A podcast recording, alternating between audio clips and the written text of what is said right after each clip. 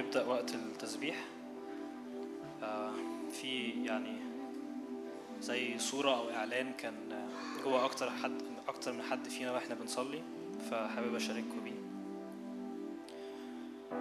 آه، خروج 15 ده الترنيمة اللي الشعب رنمها بعد ما عبروا البحر الأحمر بعد ما شافوا ال- العمل العظيم اللي ربنا عمله معاهم. الشعب ده أنا شايف إن زي ما إحنا كشعب بنختبر نقلات بنختبر حاضر أنا شايف إن إحنا كشعب زي يعني زي ما الشعب في العهد القديم اختبر النقلة إن هو عدى البحر الأحمر إحنا كمان ربنا بيجي دلوقتي ينقلنا. وجوايا تعالوا نشكر ربنا على كل حاجة هو عملها. حينئذ رنم موسى وبنو إسرائيل هذه التسبيحة للرب. وقالوا أرنم للرب فإنه قد تعظم. الفرس وراكبه ترحما في البحر. الرب قوتي ونشيدي وقد صار خلاصي. هذا إلهي فأمجده إله أبي فأرفعه. الرب رجل الحرب الرب اسمه. بعدها في عدد ستة. يمينك يا رب معتزة بالقدرة. يمينك يا رب تحطم العدو. وبكثرة عظمتك تهدم مقاوميك ترسل سخطك فيأكلهم كالقش. عدد 11 من مثلك بين الآلهة يا رب. من مثلك معتزا في القداسة مخوفا بالتسابيح. صانعا عجائب. تمد يمينك فتبتلعهم الأرض. ترشد برأفتك الشعب الذي فديته. تهديه بقوتك إلى مسكن قدسك. بعدها عدد 16 حتى يعبر الشعب الذي اقتنيته. تجيء بهم وتغرسهم في جبل ميراثك المكان الذي صنعته يا رب. لسكنك المقدس الذي هيأته يداك يا رب. الرب يملك إلى الدهر والأبد. فإن خيل فرعون دخلت بمركباته وفرسانه إلى البحر ورد الرب عليهم ماء البحر. وأما بنو إسرائيل فمشوا على اليابسة في وسط البحر. فأخذت مريم النبية أخت هارون الدف بيدها وخرجت جميع النساء وراءها بدفوف ورقص وأجابتهم مريم رنموا للرب فإنه قد تعظم الفرس وراكبه ترحما في البحر. شجعكم تعالوا نقف مع بعض تعالوا نعمل زي ما الشعب عمل. تعالوا نرنم للرب لأنه قد تعظم. نعم من مثلك بين الآلهة يا رب. من مثلك معتزا في القداسة مخوفا بالتسابيح.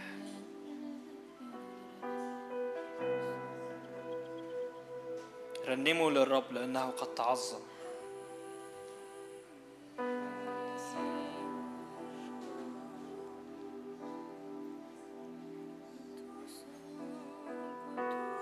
يا رب بنعلن ملكك علينا يا رب. جايين يا رب نرفع اسمك جايين نهتف لاسمك.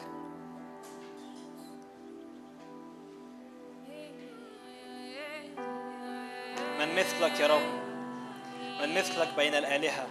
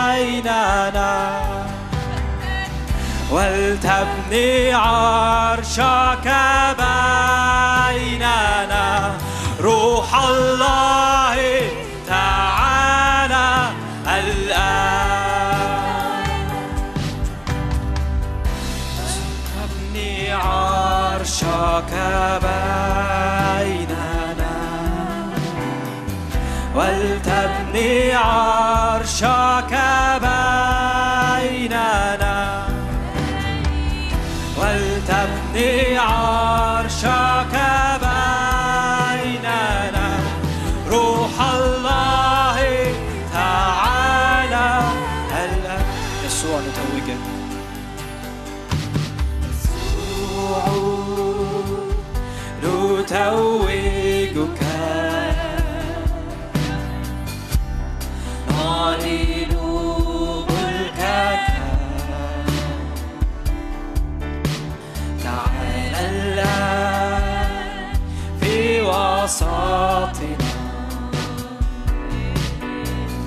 ولتعلو وسط صبحنا.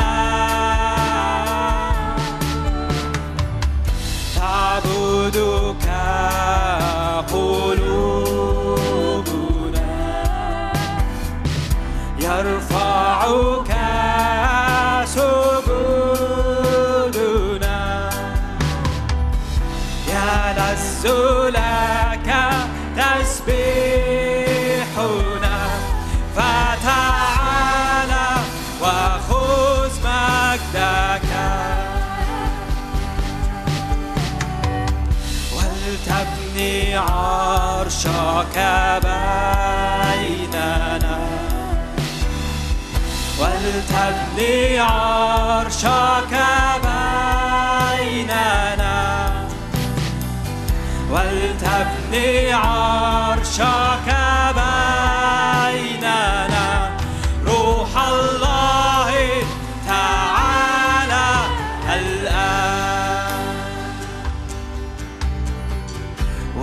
كلما ندعو تأتي.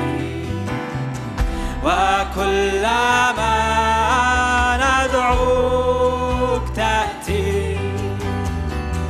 وكلما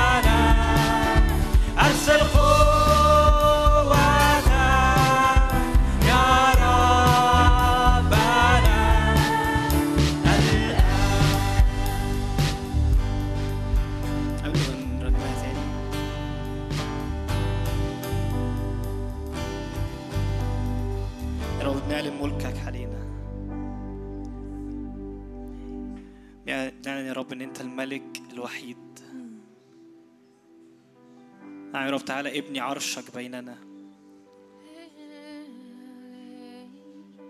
صلي يا رب إن تسبيحنا وعبادتنا تكون مكان راحة لعرشك لحضورك.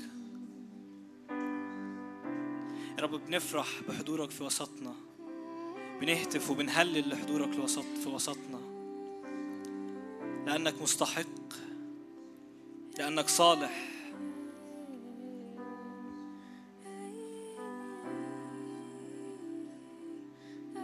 يا رب بنقدم أصواتنا بنقدم عزفنا بنقدم يا رب كل حاجة فينا.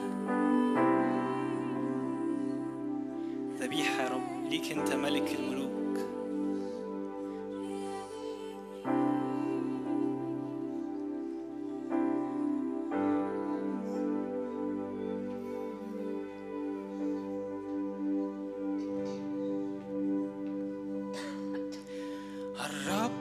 قد ملك فلنفرح به لأنه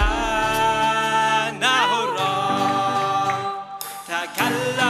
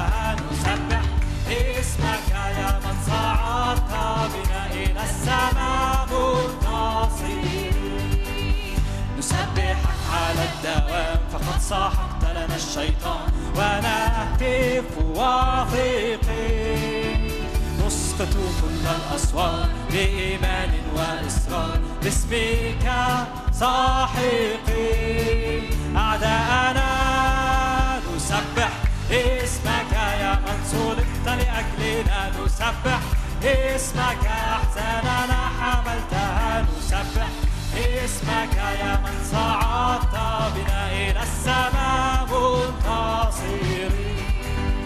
نرفع أصواتنا نعلن نصرتنا لك نجد فرحين هيبتك أمامنا ترعب أعداءنا وفيك منتصر نرفع صوت نرفع أصواتنا نعلن نصرتنا لك نجد فرحين هيبتك أمامنا ترعب أعداءنا وفيك منتصرين هللويا. سبح اسمك يا رسول. فلأجلنا نسبح اسمك أحسن.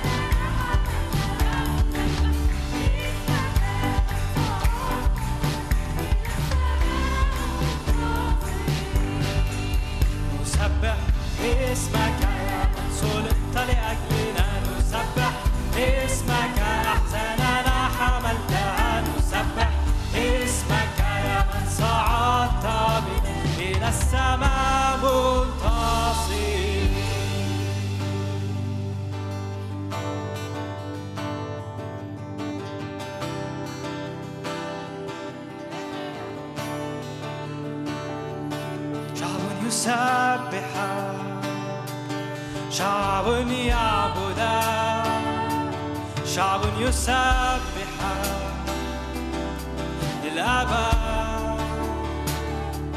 شعب يسبح.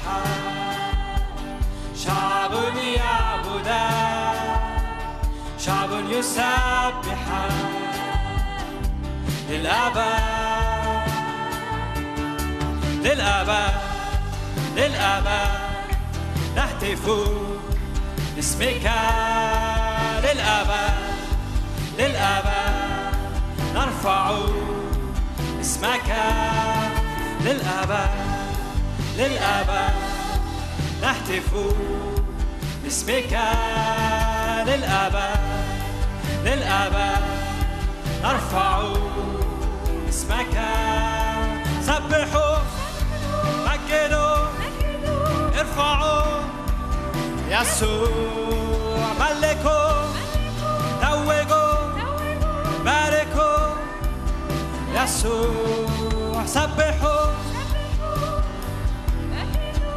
ارفعوا يسوع ملكوا توجوا باركوا يسوع شعب يسبح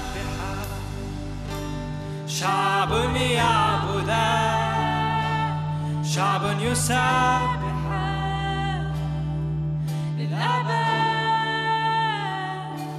شعب يسبح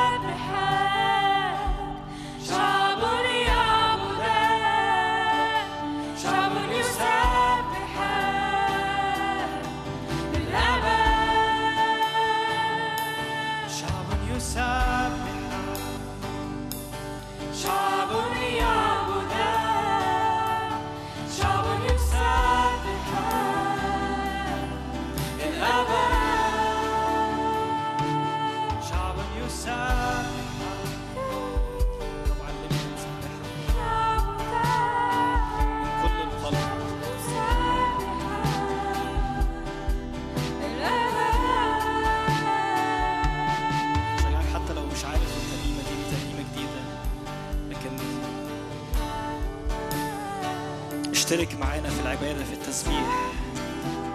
لأن في حاجة جديدة بتتفتح ليها علاقة بالترنيمة الجديدة. في شعب جديد بيطلق.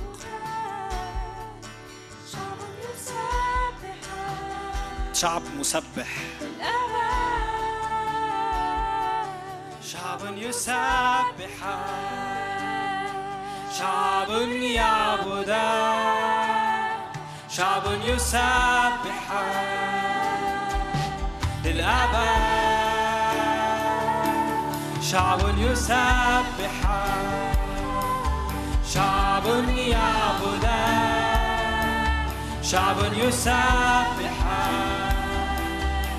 للأبد. للأبد. للأبد. نهتف.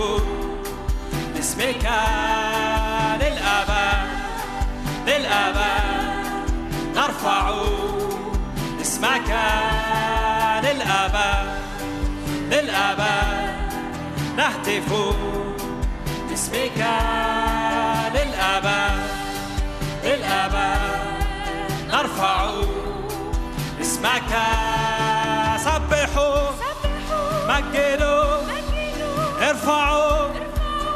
يسوع ملكوا توجوا باركوا يسوع سبحوا مجدوا ارفعوا يسوع ملكوا توجوا باركوا يسوع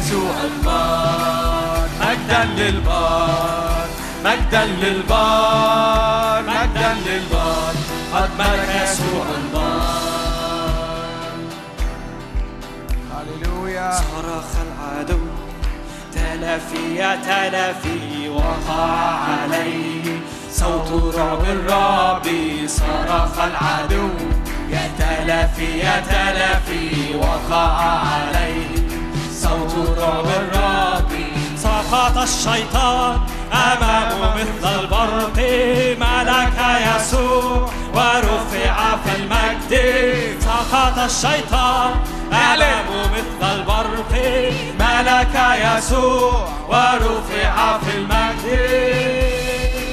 مجدا للبار مجدا للبار. غني هذه الأغنية. اعلن هتافك مجدا للبار مجدا للبار مجدا للبار. قد ملك يسوع البار. صرخ العدو يا تلفي يا تلفي وقع عليه صوت رعب الرب صرخ العدو. هللويا. ارفع إيدك كده شرع. صوت رعب الرب سقط الشيطان. أمامه مثل البرق. ملك يسوع. رفع ورفع في المجد. سقط الشيطان. أمامه مثل البرق. ملك يسوع. ورفع في المجد. مجدا مجدا للبار مجدا للبار قد ملك يسوع البار مجدا للبار هللويا. مجدا للبار مجدا للبار قد ملك يسوع البار رب السماء في العلا حافظ العهد هو يحكم يتسلط على كل ملوك الأرض رب السماء في العلا. حافظ العهد. هو يحكم. هو يحكم. يتسلط على كل ملوك الأرض. يكرمك شعب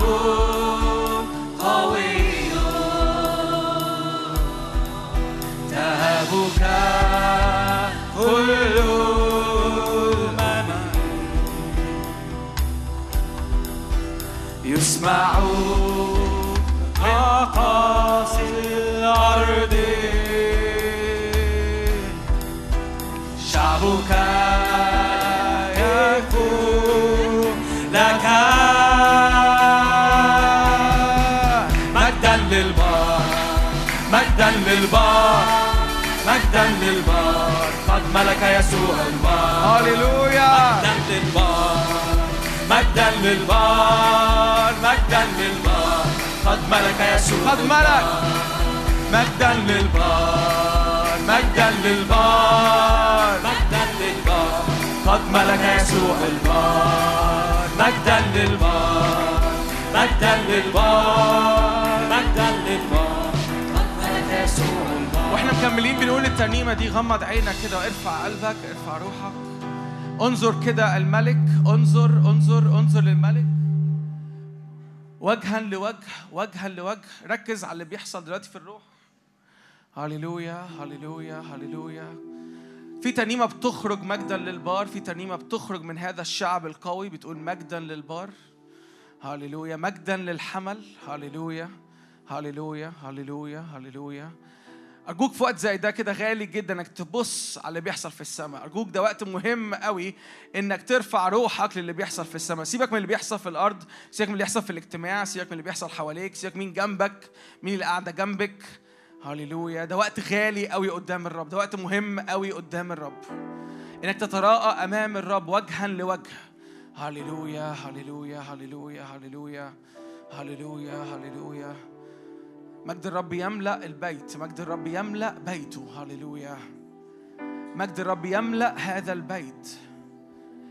هللويا في سحابة مجد في وسطنا. في سحابة من المجد ثقيلة جدا. هللويا هللويا هللويا هللويا هللويا هللويا ما أرهب هذا المكان. ما أرهب هذا المكان. هللويا هللويا اخلع عليك كده الأرض اللي انت واقف عليها. هي أرض مقدسة هي أرض قداسة. هللويا هللويا هللويا انزع كده كل أفكار انت جاي بيها. انزع كل تراب مرمي عليك.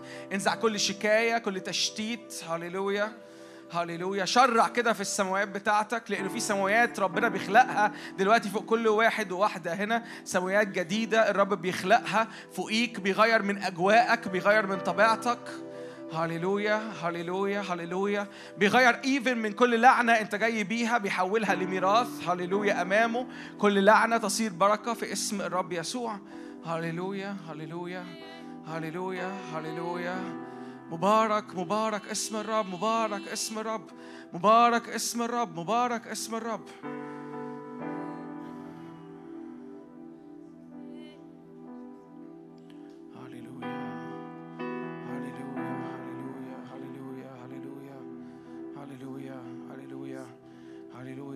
مثل الرب إلهنا.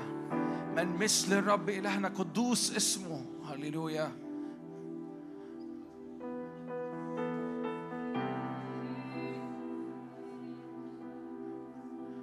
ده وقت تخرج فيه صوتك ده تقدم عبادتك قدام الرب. قول له قدوس. أنت قدوس. قولها بصوتك لو سمحت. ده وقت تخرج صوتك فيه. ده وقت تخرج عبادتك فيه. ده تعلن إنه مستحق ان يأخذ المجد والكرامة. هللويا هللويا من مثلك في كل الأرض من مثلك في كل الأرض هللويا حي هو الرب حي هو الرب هللويا اسمه مرهب جدا اسمه يهوه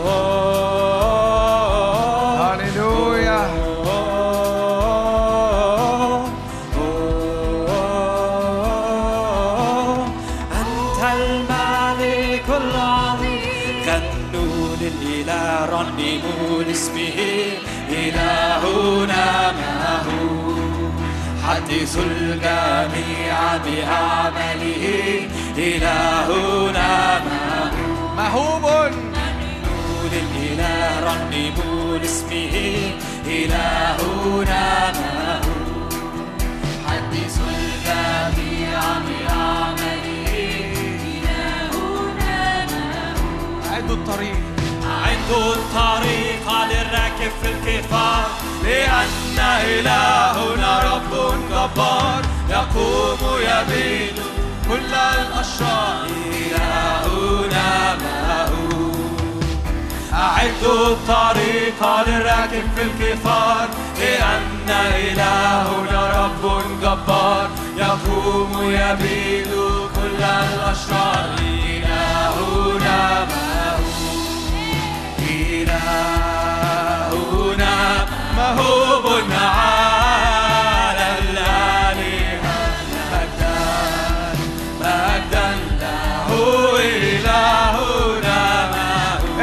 اسم الرب إلهك فوق كل آلهة غريبة محبوب على الآلهة مجدا مجدا له إلهنا موهوب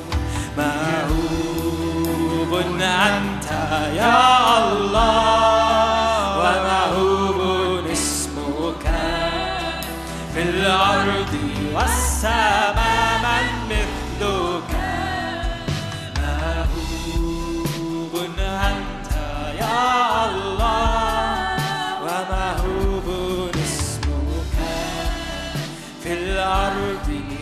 والسماء من مثلك.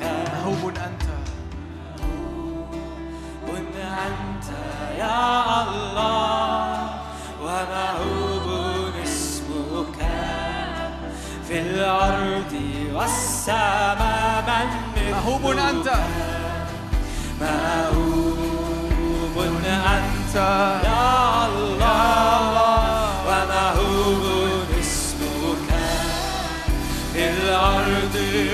والسماء من مثلك. غنوا. غنوا للإله رنموا لاسمه إلهنا. هللويا هتفوا الجميع بأعماله إلهنا معه. غنوا للإله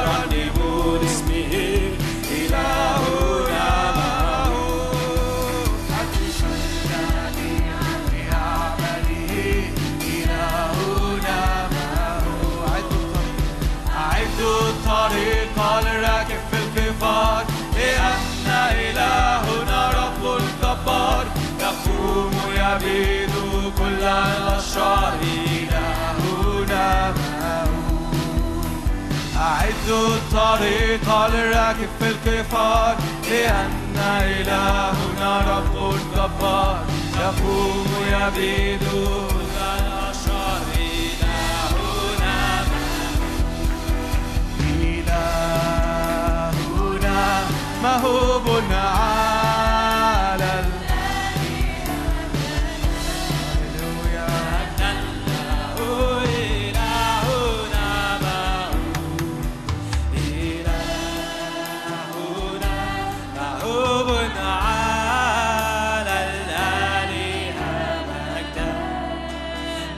إلهنا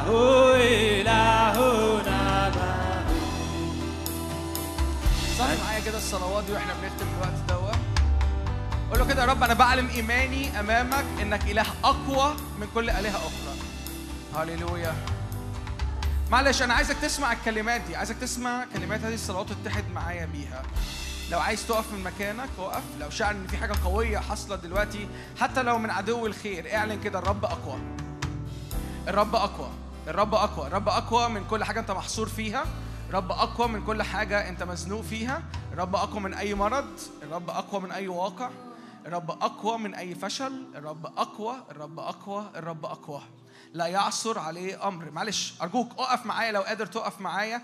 اعمل ده اعلن ده في الجسد. اعلن ده بشكل جسدي وبشكل روحي. اعمل ده حتى بعبادة واعيه أنت بتقدمها أمام الرب. رب أقوى. الرب أقوى. رب أقوى من ضعفك. رب أقوى من ضعفك. رب أقوى من إحباطك.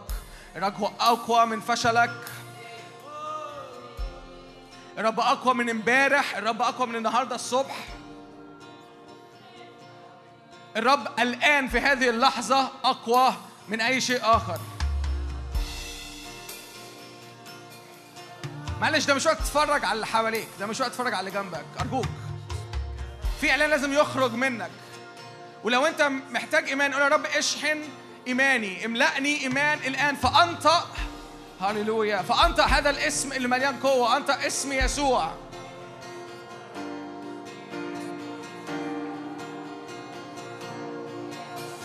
صلي بلسان صلي في الروح. غمض عينيك كده وكن في الروح. يسوع أقوى. قد غلب الموت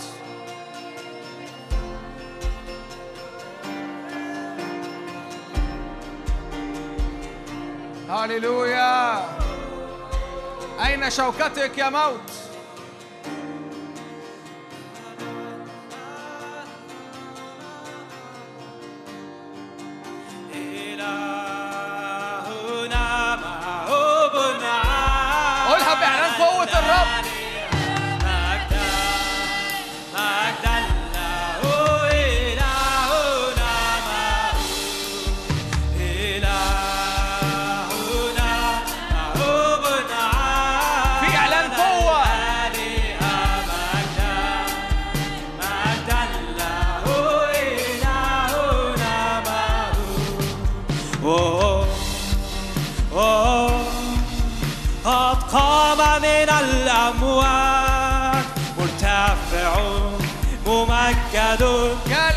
جالس عن يمين الآب يسوع يسوع قد قام من الأموات مرتفع ممجد جالس عن يمين الآب. الرياسات والسلاطين قد جردها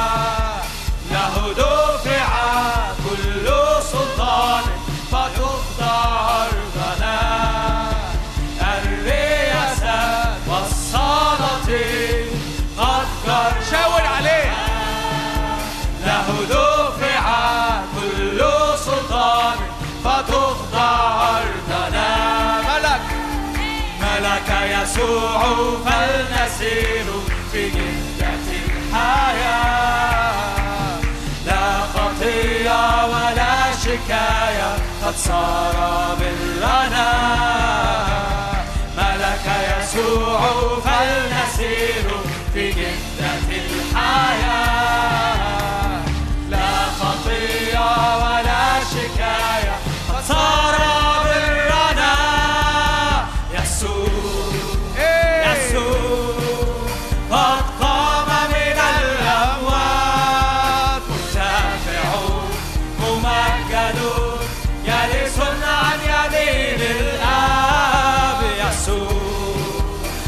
Santo.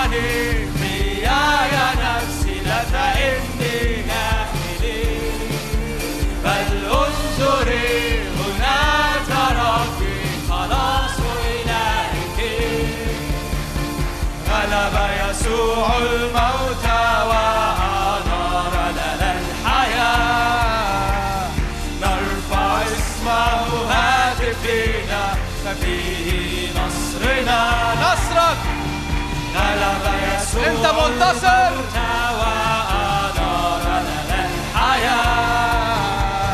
نرفع اسمه هاتفنا فيه نصرنا. يسوع. يسوع. إيه. يسوع.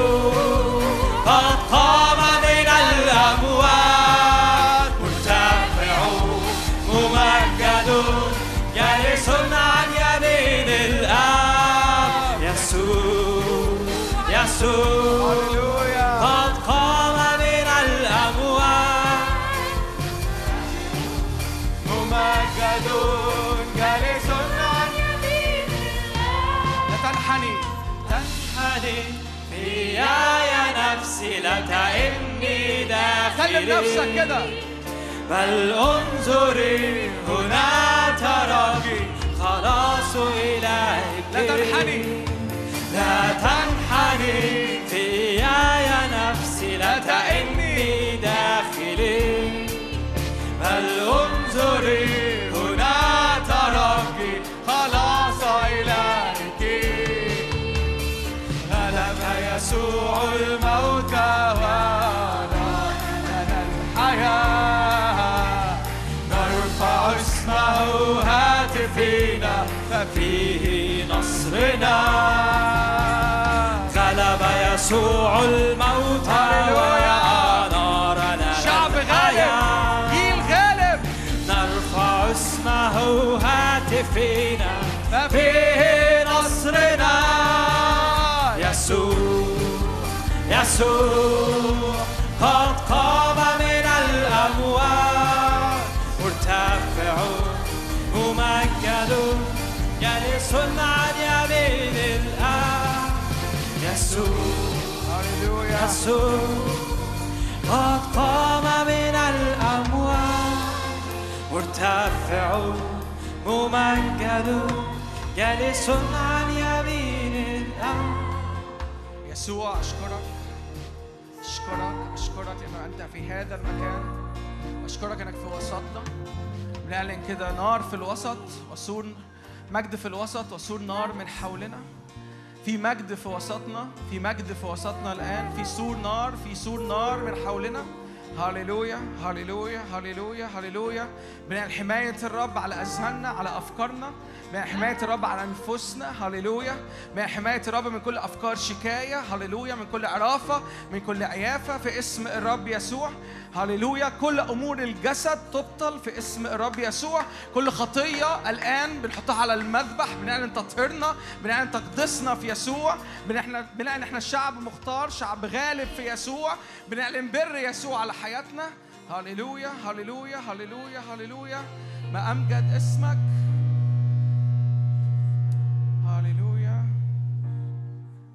ما أمجد اسمك ما أمجد اسمك ما أمجد اسمك ما أمجد اسمك ما أمجد اسمك. أنت عال ومرتفع أنت عال ومرتفع.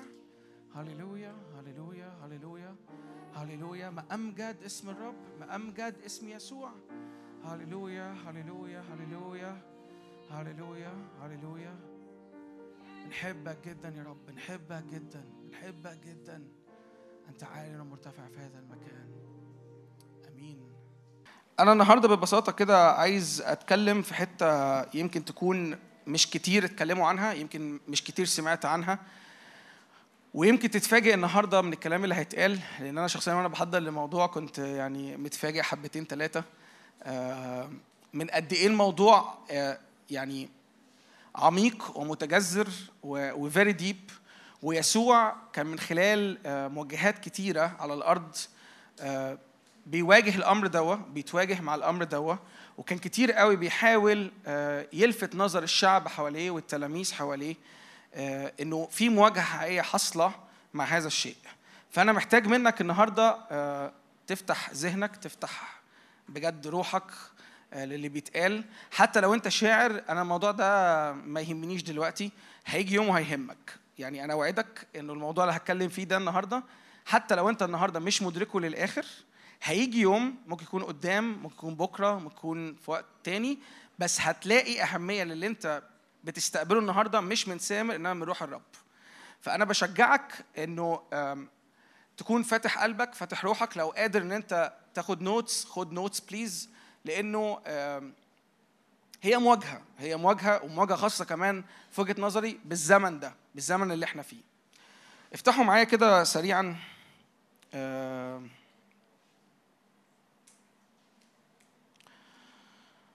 افتحوا معايا متى؟ ستة. من أول عدد 19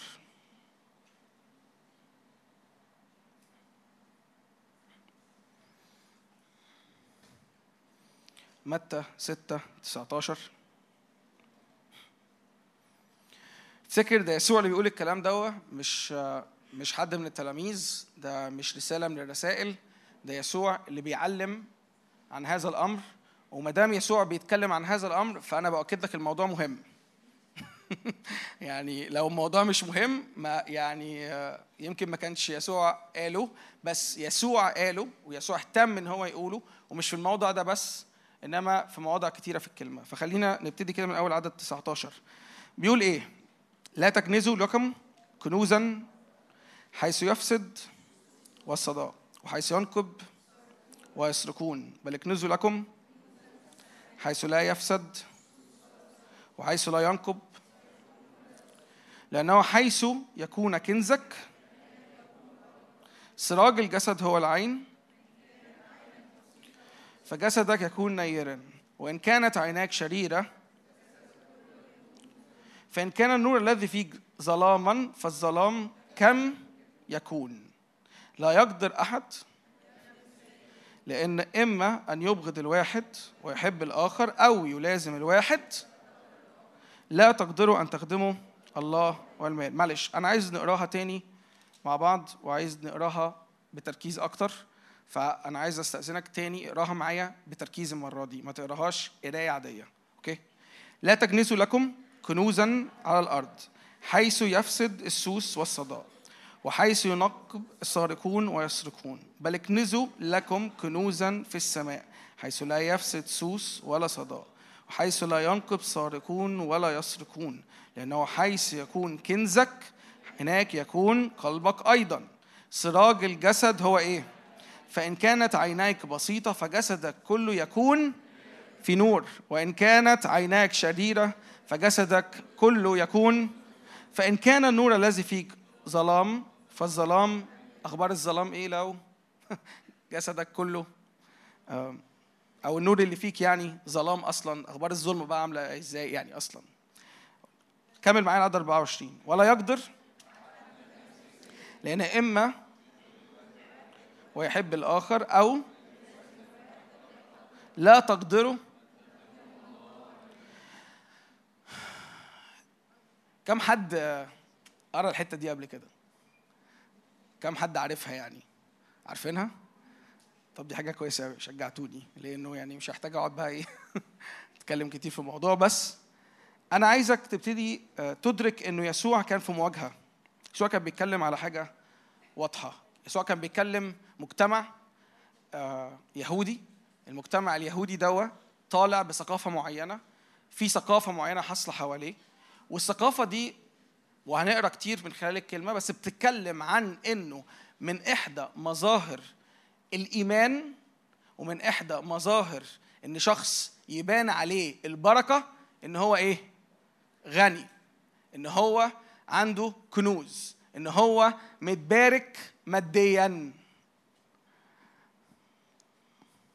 مش عارف عنكم بس يعني يعني أنا أنا أنا من زمان في الكنيسة أنا من زمان بخدم من زمان في مجتمع مسيحي ومن زمان ببص دايما إنه الله يا رب أنا نفسي أوصل لل- لل combo دوا الشخص اللي روحي قوي وفي نفس الوقت إيه متبارك جدا. والله يا رب أشكرك على الناس الحلوة الروحية اللي, اللي موجودة في وسطينا ومتباركة ماديا جدا جدا جدا. هو ده ال mix هو ده ال mix اللذيذ اللي إيه الواحد نفسه يوصل له يكون مرتاح كده إيه ومركز كده روحيا وفي نفس الوقت ماديا يكون في نفس الوقت مرتاح ومطمن ومستقر كده ومتكل على إنه برضو الواحد عارف إنه عنده قرشين في البنك في يوم منيل في يوم صعب في يوم أسود عارف إنه إيه هعرف أميل كده على ال bank account أطلع ال credit card أو أطلع ال debit card باللي فيه وأعرف أتصرف.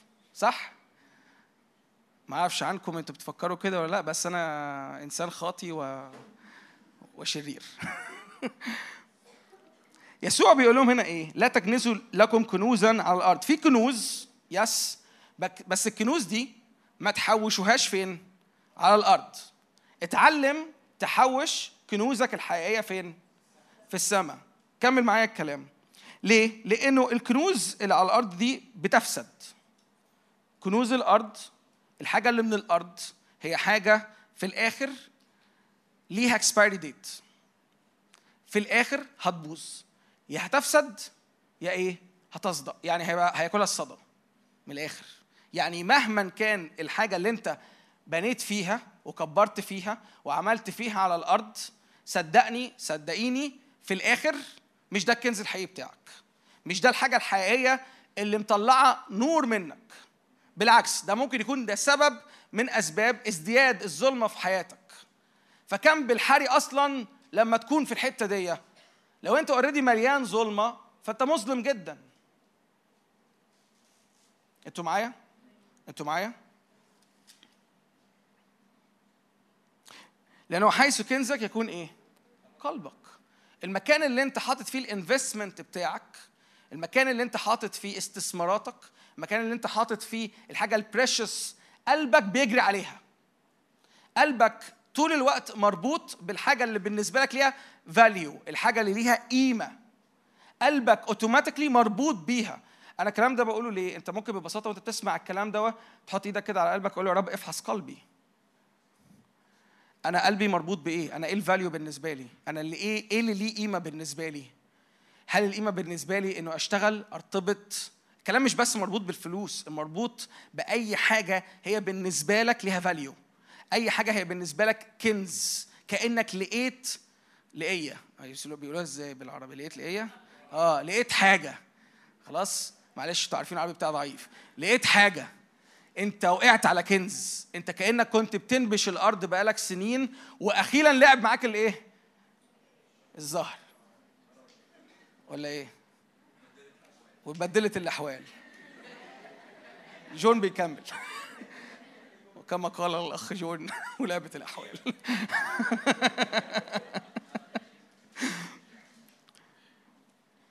فحيث كنزك يكون إيه؟ سراج الجسد هو إيه؟ العينين. العينين بتعمل إيه؟ العينين هي اللي بتشتهي. العينين هي اللي بتقول آه الحاجة دي فعلا مهمة. الحاجة دي ذات قيمة. أو بتحتقر الشيء أو بتقول أنا مش فارق معايا. صح؟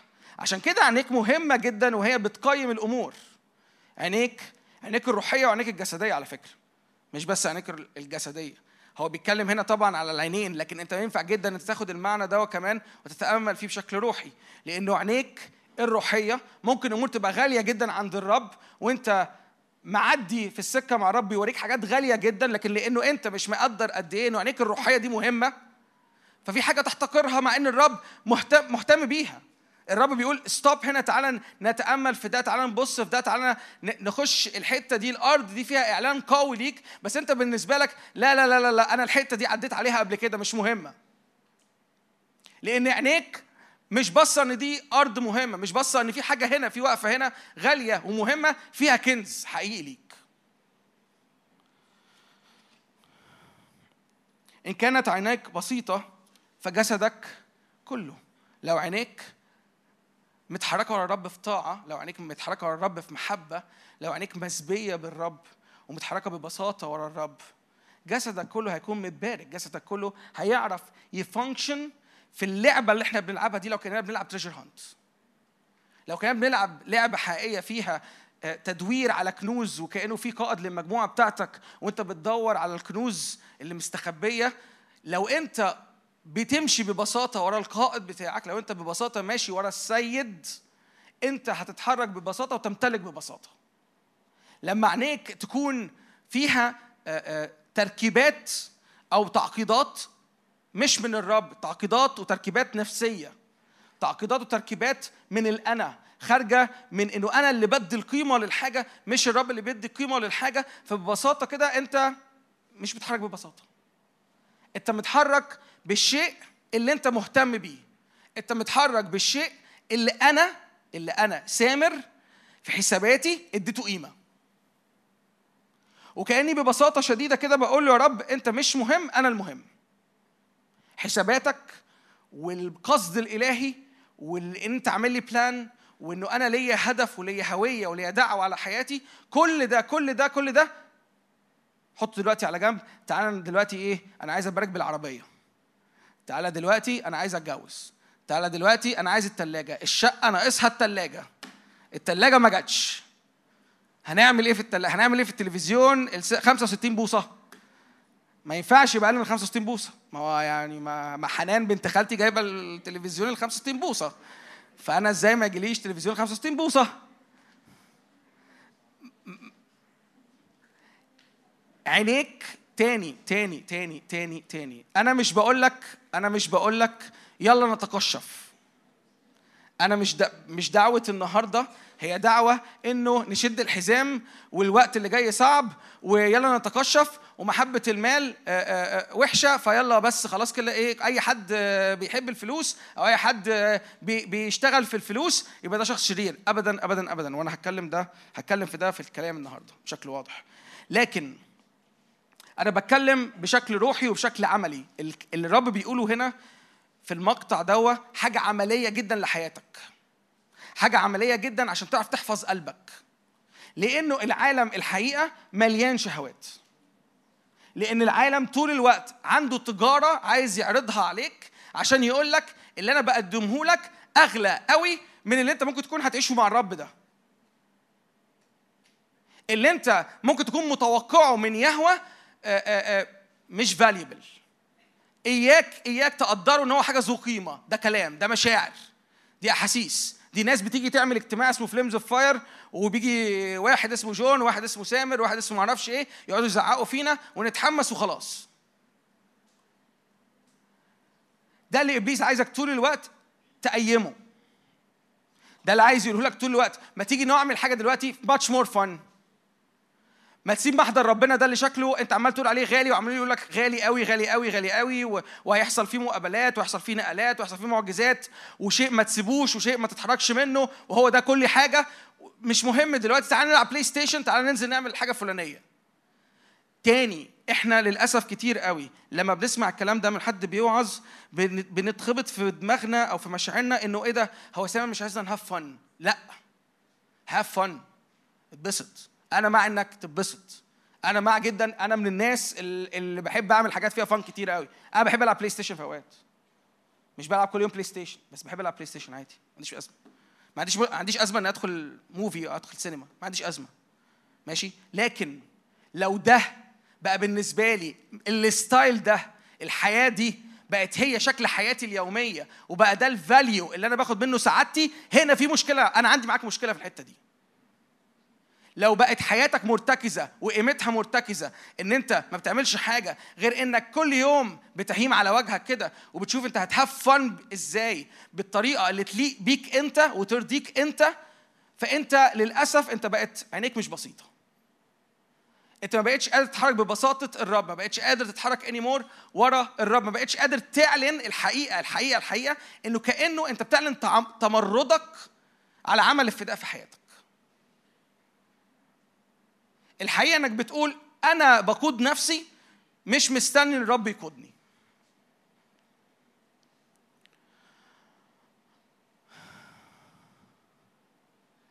كأنك بتقول أنا عينيا تعرف تميز أكتر من الرب. كأنك بتقول أنا اللي بقيمه أحسن من الرب. كأنك بتقول أنا مكان الرب. أنا أعرف أكون سيد نفسي. أنا أعرف أكون إله نفسي. هي دي الخطورة بتاعت المواجهة اللي حاصلة هنا. وعشان كده في 24 يسوع بيقول لهم لا يقدر أحد أن يخدم إيه؟ سيدين. في مواجهة ما بين سيادتين. في مواجهة ما بين إلهين. في إلهين بيتواجهوا. ويسوع بيقول لك أنت ما تقدرش تخدم إلهين في نفس الوقت. لأنه إما أن يبغض الواحد يا تحب واحد أوكي؟ لأنه إما أن يبغض واحد ويحب الآخر يا تبغض واحد يا تكره واحد وتحب التاني أو تلازم واحد وتحتقر إيه؟ التاني. ده الكلام. يا هتحب واحد وتلتصق بيه يا هتكرهه وتفرقه. مفيش حل تاني. لا تقدروا أن تخدموا الله والإيه؟ لا تقدروا أن تخدموا الله والمال. طيب. مين السيدين هنا؟ الله ومين الله ومين أنا مش سامعكم. الفلوس. الكاشات الأخضر. والأصفر والأحمر. 20 جنيه.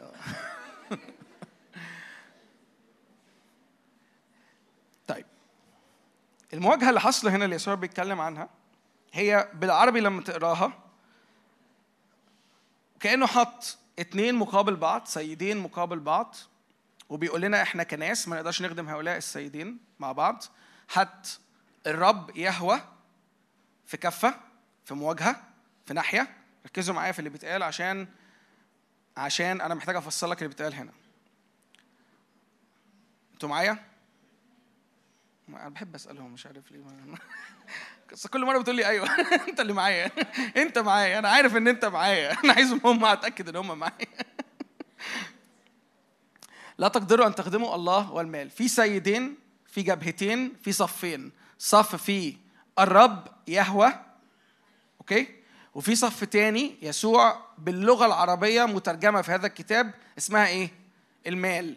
المال في الحقيقة اللي مكتوبة هنا مش المال اللي هي الفلوس اللي هي الكاش اللي إحنا لسه راضيين وقايلين إن هو ده. لأ. اللي مقصود هنا في إله الإله ده اسمه مامون. okay؟ مامون دوا محتاج ترجع تذاكر ورايا. مامون ده إله عند الأشوريين وفي الأصل الإله دوا طلعت عبادته من أيام تأسيس بابل. ركز معايا في الكلام. أرجوك أرجوكي. الموضوع هنا ما يتعلقش بالفلوس اللي في جيبك ولا الفلوس في محفظتك. يسوع مش بيقول لهم هنا كونوا فقراء.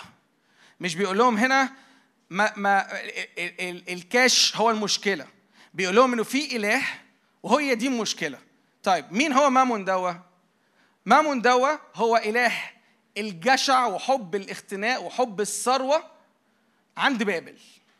هو الإله اللي كان بيقول ببساطة إنه أنت كشعب الرب مش محتاج يهوى اللي بيدي بركة مش محتاج تكمل عبادة يهوى اللي بيقول إنه إن احب أحببت الرب إلهك من كل قلبك أعطيك بركة. هي دي الشريعة هو ده العهد اللي كان معمول ما بين يهوى وما بين الشعب في العهد القديم. قال لهم ببساطة كده عشان ما تفتكرش إن أنت خرجت بدراعك من أرض مصر عشان ما تفتكرش إن أنت النهارده لو عندك غنى وعندك أرض وعندك كل ده تقول إن أنت صنعته بإيديك. خلي بالك خلي بالك. يوم ما يبقى في جيبك يوم ما يبقى في محفظتك يوم ما يبقى في إيديك مكسب مش كاش مش amount of money يوم ما تحس إن أنت كسبت بدراعك وتقول أنا اللي صنعت هذا هي دي الخطية. هي دي المشكلة هي دي الحاجة اللي فيها تبقى أنت نزلت تحت عبادة هذا الإله اللي اسمه مامون. المشكلة مش ابدا في الفلوس اللي عندك. المشكلة مش ابدا في إن أنت حابب تتبارك لأنه البركة شرعية. ركز معايا ارجوك في اللي أنا بقوله. البركة حقك الشرعي. البركة هو النتاج الطبيعي عن إنك بتحفظ عبادة الرب الإله. البركة هي الحاجة الطبيعية اللي بتحصل طول ما أنت ماشي في السكة مع الرب. ده ال default ده ال system ده النظام. هو ده الحاجة اللي اتعملت في عدن. إن في بركة إن في وفرة إن في خير إن أنت طول ما أنت في محضر الرب وبتتعامل مع الرب ومقابلات حية أنت داخل فيها مع الرب الرب إلهك يباركك جدا جدا جدا. كل مرة الرب دخل عمل عهد مع حد كان في بركة بتنزل بعد هذا العهد. انت النهارده ركز معايا في اللي أنا بقوله أرجوك ده مش حاجة آه، آه، يعني مش حاجة علشان أقول لك إزاي تعمل ثروة وتكون ثروة في خمس خطوات. أنا مش جاي أقول لك كده. ولا جاي أقول لك اكره الفلوس علشان الفقراء هم اللي بيدخلوا ملكوت السماوات. ابدا ابدا ابدا. أنا جاي أقول لك افهم أرجوك المواجهة عاملة إزاي. هو يا انت بتتاجر تحت شرعية إله اسمه مامون يا انت بتتاجر تجارة يهوى الرب الإله. أنتوا معايا؟ اللي ورا معايا؟ سامعيني؟ ففي تجارة قدام تجارة.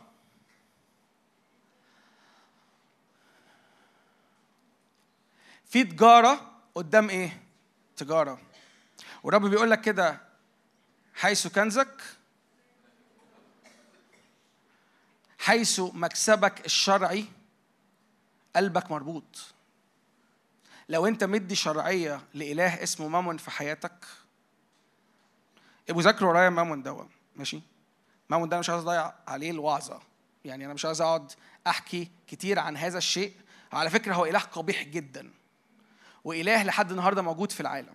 هو مش إله اندثر ولا إله وقف. لأنه في الحقيقة كل تجارة حاصلة في العالم في system العالم اللي إحنا فيه النهارده هي بت worship هي بتعبد هذا الإله. هو من أحد أهم إظهارات إبليس. هو من أكتر الأشياء ال ال يعني فعلا ال ugly القبيحة اللي إبليس عاملها في العالم النهارده. هو مخليه آه، أغلب الناس آه، يعني أقدر أقول يعني كل العالم بيلف وبيدور. أنا حد في حياتي عشت في بلد بره مصر زي نيويورك. وشفت إزاي الناس ماشية رايحة جاية في مدينة زي كده ما بيعملوش أي حاجة في حياتهم. لو قلت له أنت مين ولا اسمك إيه مش هيبص لك أصلا. ليه؟ لأن هو بيجري لأنه ساعته بفلوس. هو مدرك ده. أنا بكلمك مش على ال business man الناس الأغنياء اللي معاهم فلوس ذو مناصب. أنا بكلمك على الواحد بتاع الدليفري.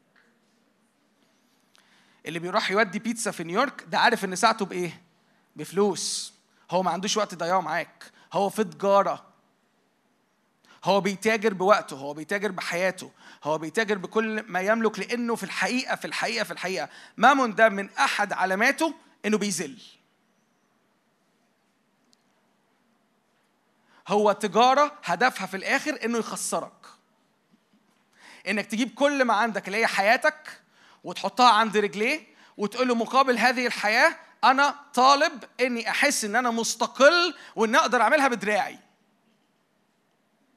إن أنا مش محتاج يهوى. إن أنا ممكن أعيش في انفصال عن هذا الرب. أنا ينفع أنا أكمل حياتي لوحدي. بركة إيه اللي هستناها من يهوى؟ عبادة إيه اللي هقدمها ليهوى؟ يسوع إيه اللي لسه هحط نفسي فيه وصليب إيه اللي لسه هعلنه؟ إيه ده كله إيه ده كله ما عنديش وقت. الحياة بتجري ولازم أجري معاها ولازم أغلب الحياة قبل ما تغلبني. في الشارع ده ده ده definition اوف رجولة. هو ده معنى الرجولة في الشارع. هو ده معنى الجدعنة في الشارع. إنك راجل كسيب. إنك واحدة strong independent woman وبتعرفي تعملي فلوس. إنك ناجحة في مكانك إنك ما بتديش وقت للمشاعر في الشغل.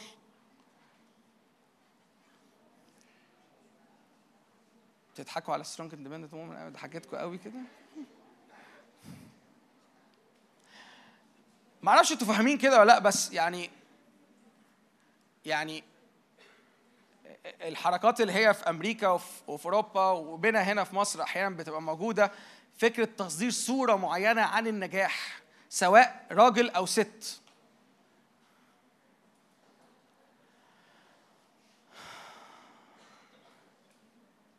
دي تجارة. دي تجارة. وأنت لو اشتريت السلعة دي ده براند دي علامة تجارية دي image دي صورة. لو أنت اشتريتها وحطيت الصورة دي خليته بقى هو المنظر وهو الإله وهو الشيء اللي أنا عايز أوصل له بقى كنزك هناك. بقت حياتك في الحتة دي بقيت مربوط طول الوقت كل حاجة بتجري وراك هي اسمها measures of success.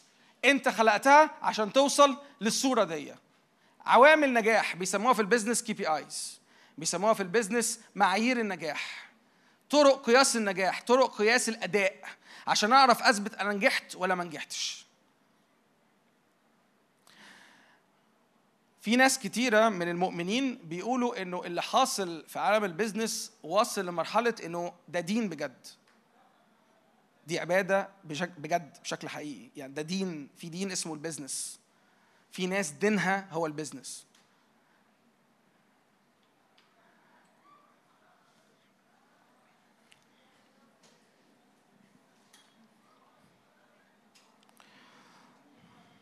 عايزين نكون هاديين. خلونا هاديين.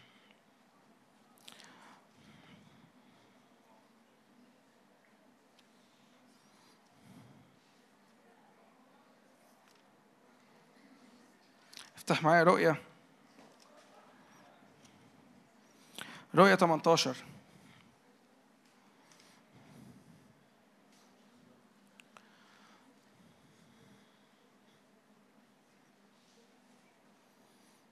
رؤية 18 أنا عارف أنتوا عمالين تشوشوا جنب بعض وبتقولوا أنت معاك كام وانت معاكي كام وبتشوفوا معاكم كام دلوقتي هتلموا من بعض وهتدفعوا لي مش عارف حاسس إنه هتركبوني ميكروباص مش عارف ليه. عندي هذا الإحساس. أنتوا مخضوضين من اللي بيتقال؟ مخضوضين؟ مين مخضوض طيب؟ يعني لو مخضوض ارفع إيدك. لو مخضوض ارفع إيدك. ده أنتوا حلوين؟ ده ده بجد أنتوا مش مخضوض؟ لا شكلكم مخضوض يعني وشكم مخضوض. أوكي عندكم أسئلة كتير حاضر. نعمل ندوة مرة. نعمل بودكاست حلقة عن الفلوس. حاضر. هفتكر حاضر. عينيا ليكي. اكتب عندك يا ابني حلقة البودكاست اللي جاية عن الفلوس. طيب. افتحوا معايا رؤية 18 رؤية 18 بتحكي لنا عن مشهد مهم قوي في هذه الرؤية اللي يوحنا شافها. وهي من أكتر المشاهد اللي أنا شخصيا لما كنت بقرأ فيها يمكن مش بس كنت ببقى متحمس قوي لكن لأول مرة كنت ببقى أشوف تفاصيل أنا ما كنتش شايفها خالص عن بابل دي.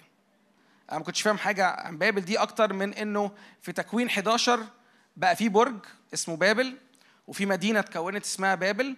بابل بابل يعني بلغات كتيرة معناها the gate of gods بوابة الآلهة. فهي مش بوابة لإله واحد هي بوابة آلهة اتكونوا بسبب عبادات آه، متنوعة هدفها في الآخر زي ما كنت بقول لك إعلان تمردهم على يهوة. إعلان تمردهم إن أنا أقدر أعيش حياتي لوحدي أقدر أعملها بدراعي. فأنا هبني برج وهطلع السماء. أنا هبني برج وأقدر بالبرج ده اوصل السماء بالأرض. أنا مش محتاج عبادة آدم اللي علمها لي بعد عدن. أنا هعملها بنفسي. بس خلينا نسمع كده يعني إيه اللي حاصل في نهاية الأزمنة وفي نهاية الأيام عن بابل. عدد تسعة. وسيبكي وينوح عليها ملوك الإيه؟ هو بيتكلم هنا إنه شاف بابل بتسقط. يعني من أول الإصحاح لو قريت ثم بعد هذا رأيت ملاكا آخر من أول عدد واحد نازلا من السماء له سلطان عظيم واستنارت الأرض من بهائه وصرخ بشدة بصوت عظيم قائلا اقرأ معايا أرجوك الكلام ده مهم. سقطت وصارت ومحرسا لجميع ومحرسا لكل وموقد لأنه من خمر غضب زناها قد. قد شرب جميع الأمم وملوك الأرض زنوا معها وتجار وتجار الأرض إيه؟ يا سلام أنت بتقرأ أنت بتقرأ زي الكتاب؟ معلش نقرأ تاني من عدد ثلاثة لأنه من خمر غضب زناها المدينة دي بتزني المدينة دي إيه؟ بتزني المدينة دي في نجاسة المدينة دي مش في عهد مع الرب المدينة دي مش في قداسة مع الرب المدينة دي عمالة تطلع استباحة المدينة دي عمالة تطلع تشريعات ضد عبادة يهوه المدينة دي متمردة على الرب المدينة دي كأنه الرب بيقول لو هي في واحدة متجوزة واحد وفي عهد ما بينهم هي قررت إن هي تفصل هذا العهد وتسيب هذا العهد وتكون بتزني مع ناس تانية ترجمة الزنا دي إن هي بتعمل إيه؟ لأنه من خمر غضب زناها من كتر الزنا اللي هي كانت فيه شرب جميع الأمم. كل الأمم زنت معاها. كل البشر اللي معدي اللي رايح اللي جاي عدى عليها. وملوك الأرض مش بس الشعوب مش بس الأمم. وصلت إن ملوك الناس اللي في السيادة الناس اللي في قوة الناس اللي في سلطان الناس اللي بتاخد قرارات هم كمان وقعوا في شر هذه المدينة. تجروا معاها. وتجار الأرض حتى اللي بيعمل تريدنج رسمي حتى التجار اللي بيعملوا متاجرة في العادي اللي عايزين يتغنوا اللي عايزين يبقى في إيديهم مكسب سريع اللي عايز يحس مرة واحدة إن أنا عندي قيمة اللي عايز يحس مرة واحدة وبسرعة في يوم وليلة. تسمعوا عن الناس اللي عملت عهود مع إبليس عامل أغنية وتضرب؟ تسمعوا عن الناس اللي آه، آه، يعني يعمل تجا... يعمل شركة فاشلة فيروح يعمل عهد مع عدو الخير فتاني يوم يلاقي أسهم الشركة بتاعته آه، في البورصة عاملة إزاي؟ دي تجارة. ده بيقول له خد روحي. ده كلام يا جماعة الكلام ده مش فانتازيا ده مش أفلام رعب. يعني عايزك تفهم بس إنه أفلام الرعب اللي معمولة دي كلها هي معمولة على واقع روحي. هي معمولة وتلاقيه يقول لك based on true events based on real story. يا فرحتي. يا جمالك. أنا عايز أتفرج على سفاح الجيزة عشان أشوف هو عمل إيه لأن based on true story. يا سلام. أشوف واحد مليان demons بيقتل الناس إزاي وأتفرج وأنا بحس إنه الله حلو قوي منظر الدم ده. جميل. شوف بيقتل إزاي شوف مبتسم إزاي. ونقعد نطلع jokes ونطلع ضحك ونطلع stickers ونطلع حاجات لذيذة ونضحك وننكت. بس أنت مش فاهم إن أنت بتتفرج على واحد هو قدم عهود أنتوا عارفين من قصته الراجل ده كان بيقت... أول حد قتله إيه؟ صاحبه. عشان كان بيعمل معاه متاجرة. كان بيتاجر معاه. الراجل ده في قصته الحقيقيه لو انت قررت تقراها ثانية واحدة أول حد قتله كان أكتر واحد صاحبه. ليه؟ عشان كان بيقول له ابعت لي فلوس أشغلها لك يعني يوم ما قتل يوم ما بداية يخش في السكة دي كانت بسبب تجارة. عدد تسعة. وسيبكي نوح عليها ملوك الأرض. هي سقطت. خلاص. الذين زنوا وتنعموا معها. حينما ينظرون دخان حرقها. واقفين من بعيد. لأجل خوف عذابها. قائلين ويل ويل المدينة العظيمة بابل المدينة القوية. لأنه قد لأنه في ساعة واحدة جاءت قعدت تبني تبني تبني تبني. بس قضاء الرب في ساعة واحدة. ده الملوك اللي بيقولوا. أوكي؟ ده ده الحاجة اللي خارجة من الملوك. ويبكي عدد 11 يبكي إيه؟ تجار الأرض ينوحوا عليها. ليه بقى؟ ركز في الكلام ده لأنه هنا في متاجرة بتحصل. لأن بضائعها لا يشتريها أحد فيما بعد. البضاعة اللي كان عليها demand اللي كان عليها طلب اللي كانت ذو قيمة اللي كانت طول الوقت الناس بتجري عليها. البضاعة اللي كانت بقدمها بقت بضاعة راكدة. ده اللي بيحصل لما شعب الرب يقرر إنه يقف في عهده مع الرب. ده اللي بيحصل لما أنا وأنت بنقرر إنه ننفصل عن هذا النظام لما نقرر إنه إحنا مش في تجارة بأرواحنا على مكاسب أرضية. ويبكي تجار الأرض وينوح عليها لأن بضائعهم لا يشتريها أحد فيما بعد. بص بقى عمال يقول يقول أنواع كتيرة من البضاعة ذهب فضه حجر كريم. عمال يقول أصناف أصناف. بس اقرأ كده معايا في عدد تل- 13 وإرفع وبخور وطيب ولبان وخمر. وزيت وسميز وحنطه عمال يقول أصناف وبهائم وغنم وخيل ومركبات وإيه؟ يا يسوع المسيح. أجساد ونفوس الناس. بابل تجارتها على أجسادك على جسدك على نفسك. بابل طول الوقت عمالة مامون دوت طول الوقت عمال يحاول يعمل معاك trading على جسدك على نفسك على كل ما تمتلك يدك على أي شيء شكله حتى بضاعة عاديه حتى لو شوية زيت عندك. حتى لو شوية دقيق عندك جوه. مش هسيبهم لك. ما هو عايز يذلك. هي دي التجارة اللي بيعملها. هو عايز يذلك لآخر نفس عايز يكسرك لآخر نفس. أنت لما بتتكسر تروح تلاقي حاجة تانية تبيعها. كل ما تتكسر تقوم بايع حاجة تانية. كل ما تتكسر تقوم بايع حاجة تانية. اتكسرت أكتر تروح تستلف وتتداين من الناس عشان تروح تبيع.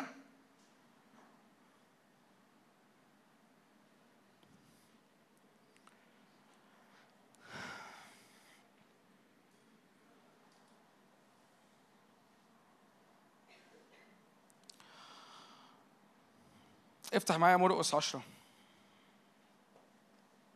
أنا بس حبيت أوريك مامون وبابل.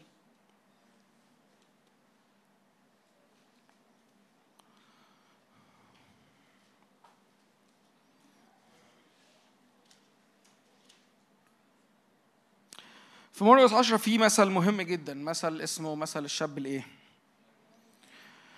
وفيما هو خارج إلى الطريق ركض واحد جثى له وسأله أيها المعلم الصالح ماذا أعمل؟ لأرث إيه؟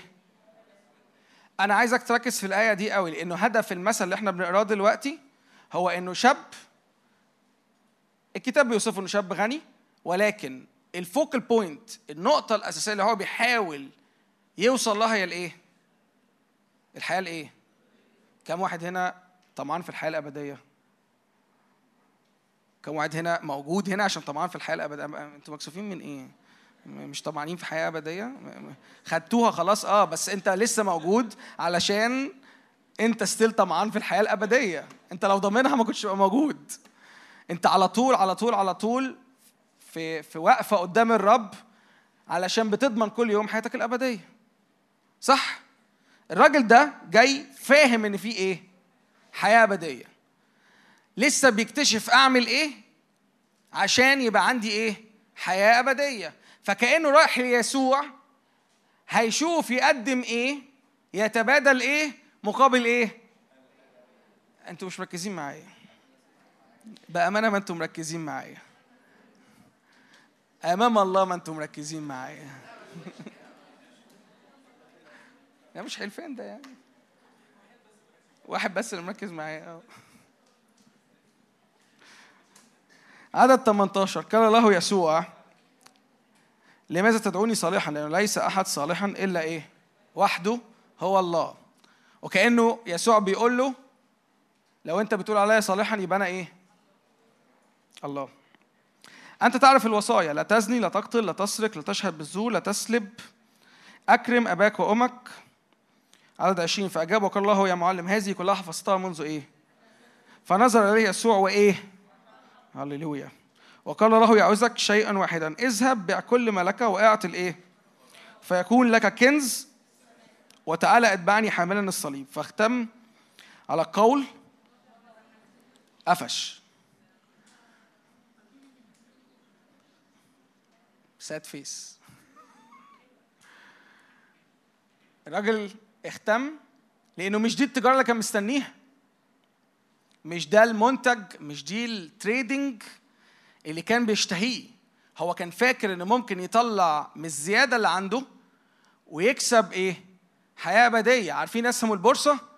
يحط آه، يشتري سهم بربع جنيه تاني يوم يصحى يلاقيه ب 500 جنيه. فاكر الحياة أبدية ينفع تتعمل كده؟ أنا عايز أقول لك لو أنت يعني لسه مش ضامن الحياة الأبدية بالمناسبة اللذيذة دي. هي مش حاجة بتقدمها أو بتعملها ف تكسبها ده هو اشتراك. المتاجرة حصلت على الصليب. هو بدم غالي هو اللي اشتراك. مش أنت اللي هتشتري. مفيش حاجة هتعملها مفيش حاجة هتقدمها. مفيش شيء من فريضة من تدين حتى من أي حاجة أنت هتقدمها مهما كانت غالية هو هيتلذذ بيها إنك جايب الغالي. ولكن هو في الآخر اشتراك. اللي هو دفعه فيك أغلى بكتير قوي من أي حاجة أنت هتدفعها. اللي هو عمله على الصليب أغلى قوي قوي قوي من أي حاجة. أنت بتفكر إن هي ذو قيمة وممكن تقدمها عندك. بس كمل معايا. فاختم ال- الشاب دوا على قوله ومضى حزينا لأنه كان إيه؟ زي أموال كثيرة. فنظر يسوع حوله وقال للتلاميذ التلاميذ واقفين حواليه. فبص لهم وقال أم ما أعصر دخول ذوي الأموال إلى ملكوت الله؟ فال- فالتلاميذ يعني عملوا رد الفعل الطبيعي يعني فتحاير التلاميذ زي ما كلنا متحيرين ما هو أكيد كلنا وإحنا بنقرأ الآيات دي بنتحير. هو إيه يا رب ده؟ يعني إيه صعب قوي على ذو الأموال إن هم يدخلوا ملكوت السماوات؟ حاجة صعبة. أنا معاك إن هي حاجة صعبة. بس كمل الكلام عشان الكلام بيشرح نفسه. تحير التلاميذ من كلامه أجاب يسوع وقال يا ابني ما أعصر دخول إيه؟ أم متكلين؟ ما أعصر الناس اللي نازلة تحت عبادة مامون. صعب على الناس اللي حياتها معتمدة على هذه العبادة ومتمسكين بيها حتى وهم فاهمين في- فين الحياة الأبدية وجايين للمكان اللي فيه الحياة الأبدية. وبيقولوا ما تيجي نجرب نعمل trading بس still متكلين على هذا النوع من التجارة إن هم يتعاملوا مع حد بيتاجر في الحياة الأبدية. لأنه هو فاكر إن اللي في جيبه أغلى من اللي عند يسوع اللي هيقدمه. هو مش مدرك إن هو مهما عمل مش هيقدر يدفع ثمن الحياة الأبدية. يا رب تنور. دي تجارة قدام تجارة. ده إله قصاد إله. ده system قصاد system ده سلوك قدام سلوك. ده lifestyle قدام lifestyle ده إدراك إنه المركز في حياتي هو يسوع ولا يسوع حاجة من الحاجات اللي أنا ماشي بيها. يا جماعة أنا مش بقدم لكم وعظة خلاصية. أنا مش بقدم لك وعظة علشان أقول لك في الآخر إنه يسوع بيحبك ويسوع أهم حاجة في حياتك. مش ده بس اللي أنا بقوله. أنا بقول لك إزاي أنت محتاج تدرك العالم اللي حواليك متحرك إزاي وعينك تستنير بنور حقيقي عشان تزداد نورا.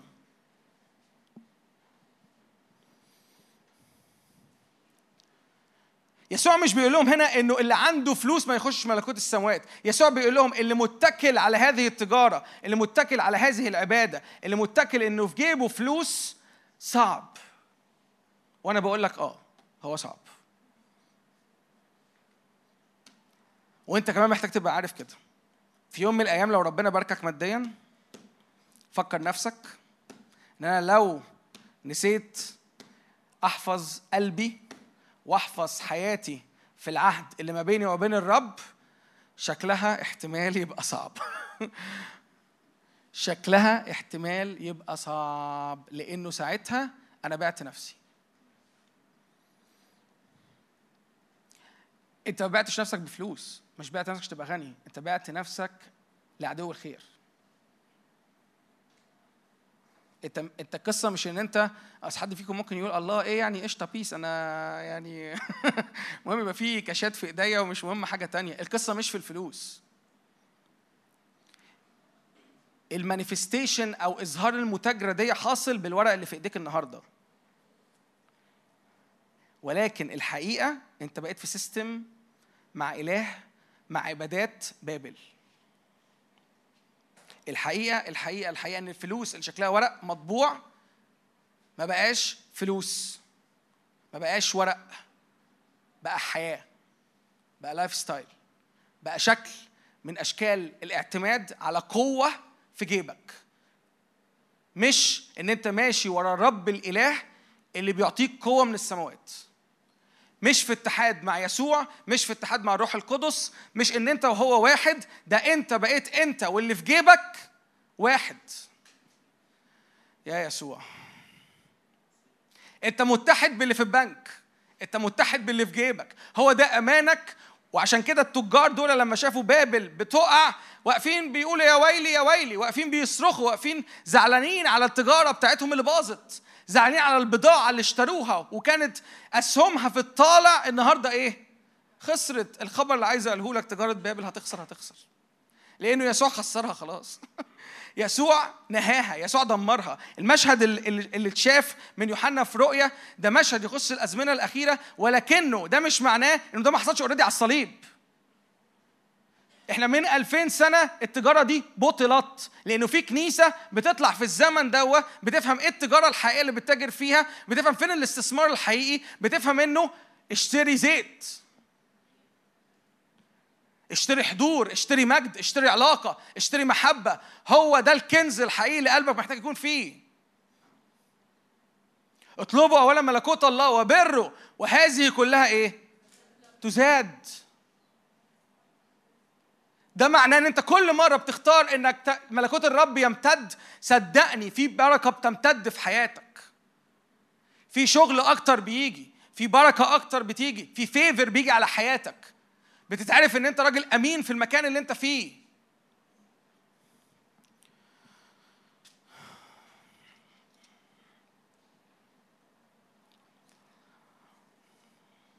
أنا عايز أقرأ إيه؟ افتح معايا لوقا 16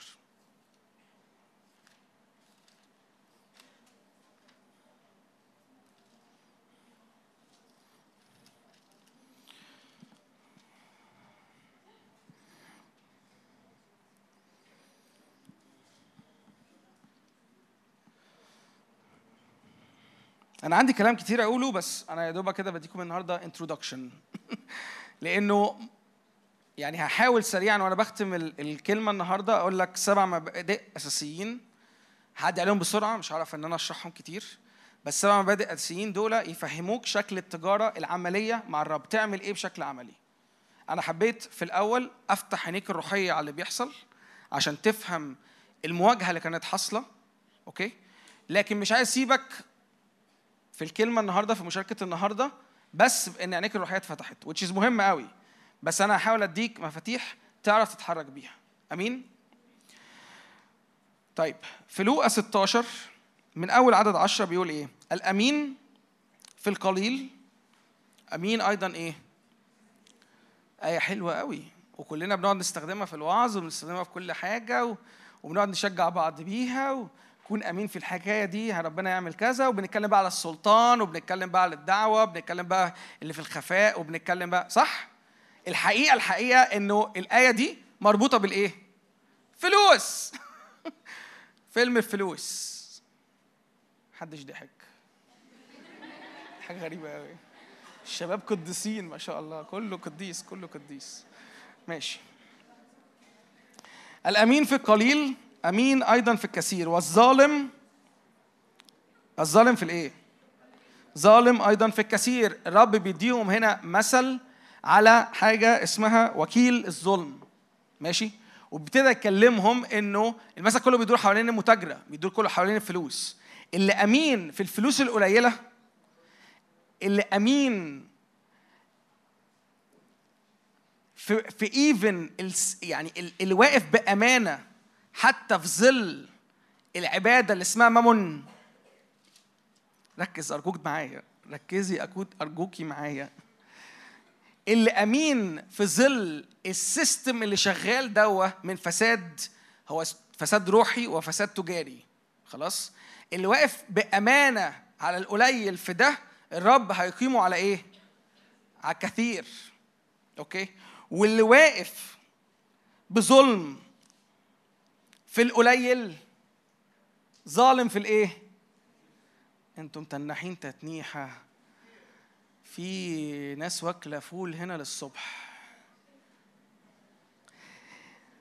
الأمين في القليل. الأمين في ظل هذه العبادة اللي شغالة في العالم اللي بتدعوك طول الوقت إنك تستبيح اللي بتدعوك طول الوقت إنك تشتهي اللي بتدعوك طول الوقت إن أنت تفكر اللي في نفسك تدعوك طول الوقت إن أنت تستقبل أمور زي الرشاوي زي أمور خارجة زي إن أنت بس تحقق مكسب وسريع ومكسب وبسرعه عشان تحس بنفسك.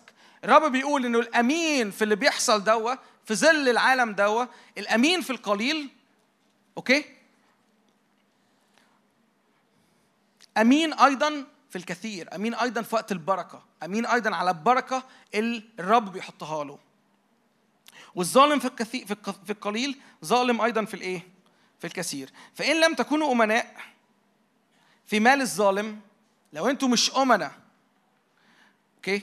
في ظل أصلا مال فيه ظلم مال بتاع مامون أنتوا الاتنين عمالين تضحكوا إيه ماسكين نفسكم بالعافية. مش ممكن. لا وراك وراك وراك. مش- عارف ليه.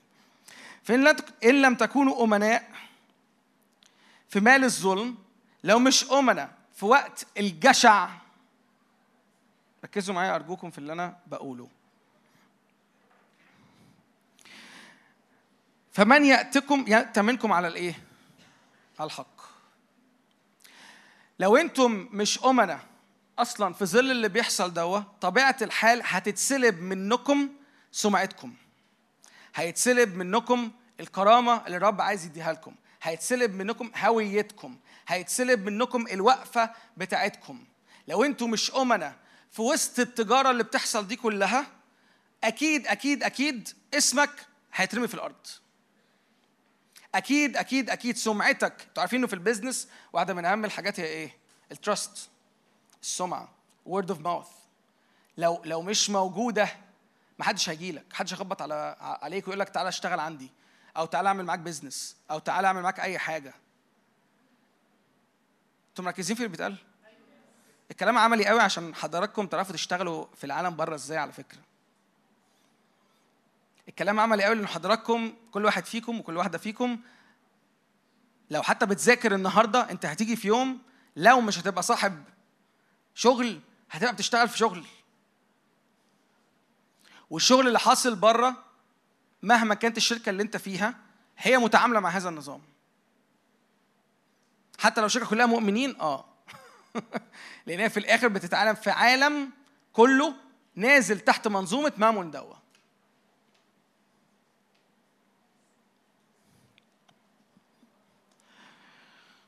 عدد 12 وإن لم تكونوا أمناء فيما هو للغير لو أنت مش أمين في حاجة غيرك فمن يعطيكم ما هو إيه؟ لكم. مين هيديك حقك؟ لو أنت أصلا مش أمين في مال غيرك؟ تاني لا يقدر خادم أن إيه؟ لأن إما أن يبغض الواحد ويحب الآخر أو يلازم الواحد ويحتقر الإيه؟ لا تقدروا أن تخدموا الله والمال. تاني مواجهة ما بين يهوى ومامون. طيب إيه المبادئ اللي أنا عايز أقول عليها؟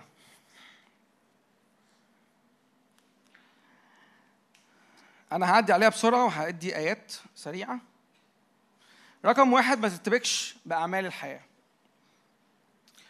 وده مهم قوي لأنه الحياة طول الوقت عايزاك مرتبك. نظام مامون ده طول الوقت عايزك مرتبك عايزك نازل تحتيه عايزك مش عارف راسك من رجليك عايزك مش عارف هويتك. وارتباكك في الحياة هيؤدي بيك طول الوقت إنك تستسلم وبسهولة. فأرجوك أرجوكي ركز إنك لا ترتبك بأمور الحياة كن مركز على ملكوت الرب وامتداد ملكوت الرب. افهم إنه ملكوت الرب لما بيحور حياتك حياتك كلها بتبقى متحركة في نظام الملكوت. فطبيعي إن شغلك ارتباطك علاقاتك حياتك مادياتك كل بركة إيديك بتلمسها بتكون بركة خارجة ونابعة من ملك جالس في ملكوته وأنت فرد من هذه الملكوت. أنت مش لوحدك. انت مش متروك انت مش متساب. انت شغال آه، في ملكوت أبوك بشكل حقيقي. وشغلك في ملكوت أبوك ده بشكل حقيقي هو مصدر حياتك وهو أساس حياتك. فرقم واحد لا ترتبك بإيه؟ أنا مش سامعكم. ما ترتبكش بأمور الحياة اللي بره دي رقم اتنين دي هتلاقوها في رسالة يوحنا تكون ناجحا وإيه؟ قصد الرب على حياتك طول الوقت إنك ناجح وصحيح. قصد الرب على حياتك طول الوقت إن أي حاجة أنت بتعملها فيها نجاح فيها قوة فيها استعلان لملكوته. قصد الرب ان أي حاجة أنت بتعملها بتعملها بترتيب. فبالتالي الطبيعي بتاعها إنه يحصل فيها إيه؟ نجاح. طول ما أنت شغال بال order بال system بتاع ملكوت الرب أنت مطمن إن اللي أنت بتعمله مضمون. انت مش بتعمل حاجة بتضارب بيها الهواء. انت المجهود اللي بتعمله انت مطمن انه في غطا من النجاح غطا من الصلاح غطا من محبة الرب متحرك فوقيك وحواليك طول الوقت فانت ضامن ان مجهودك اللي بتعمله ده مش استثمار في الأرض. ده استثمار في السماوات ده كنوز في السماء. انت عمال تعملها كل محبة كل تقدمة كل شيء انت بتعمله انت بتطلعه وبتكنس لنفسك بيه كنوز في السماء. انت معايا؟ فكن في كل حين كن في كل وقت ناجحا وصحيحا. ده محتاج انه الرب يتقدمك في كل شيء. ده محتاج إن أنت في كل أمر في كل حاجة. أنت بتعمل Excel sheet في الشغل قول له يا رب Excel sheet دي أنا بعملها لمجد اسمك. أنا مش بعملها عشان مديرتي طالبه مني. الأستاذ بتاعك طالب منك في ال في ال في الكلية تعمل task معين ولا تعمل assignment معين؟ قول يا رب أنا بعمل ده لمجد اسمك. وهو بيقراه ولا المساعد بتاعه يقراه يتخبط بحاجة منك.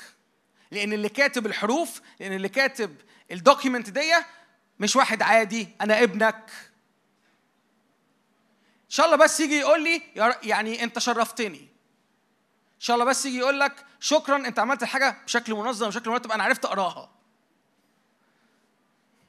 أنت عارف إن ده بيشهد عن حاجة؟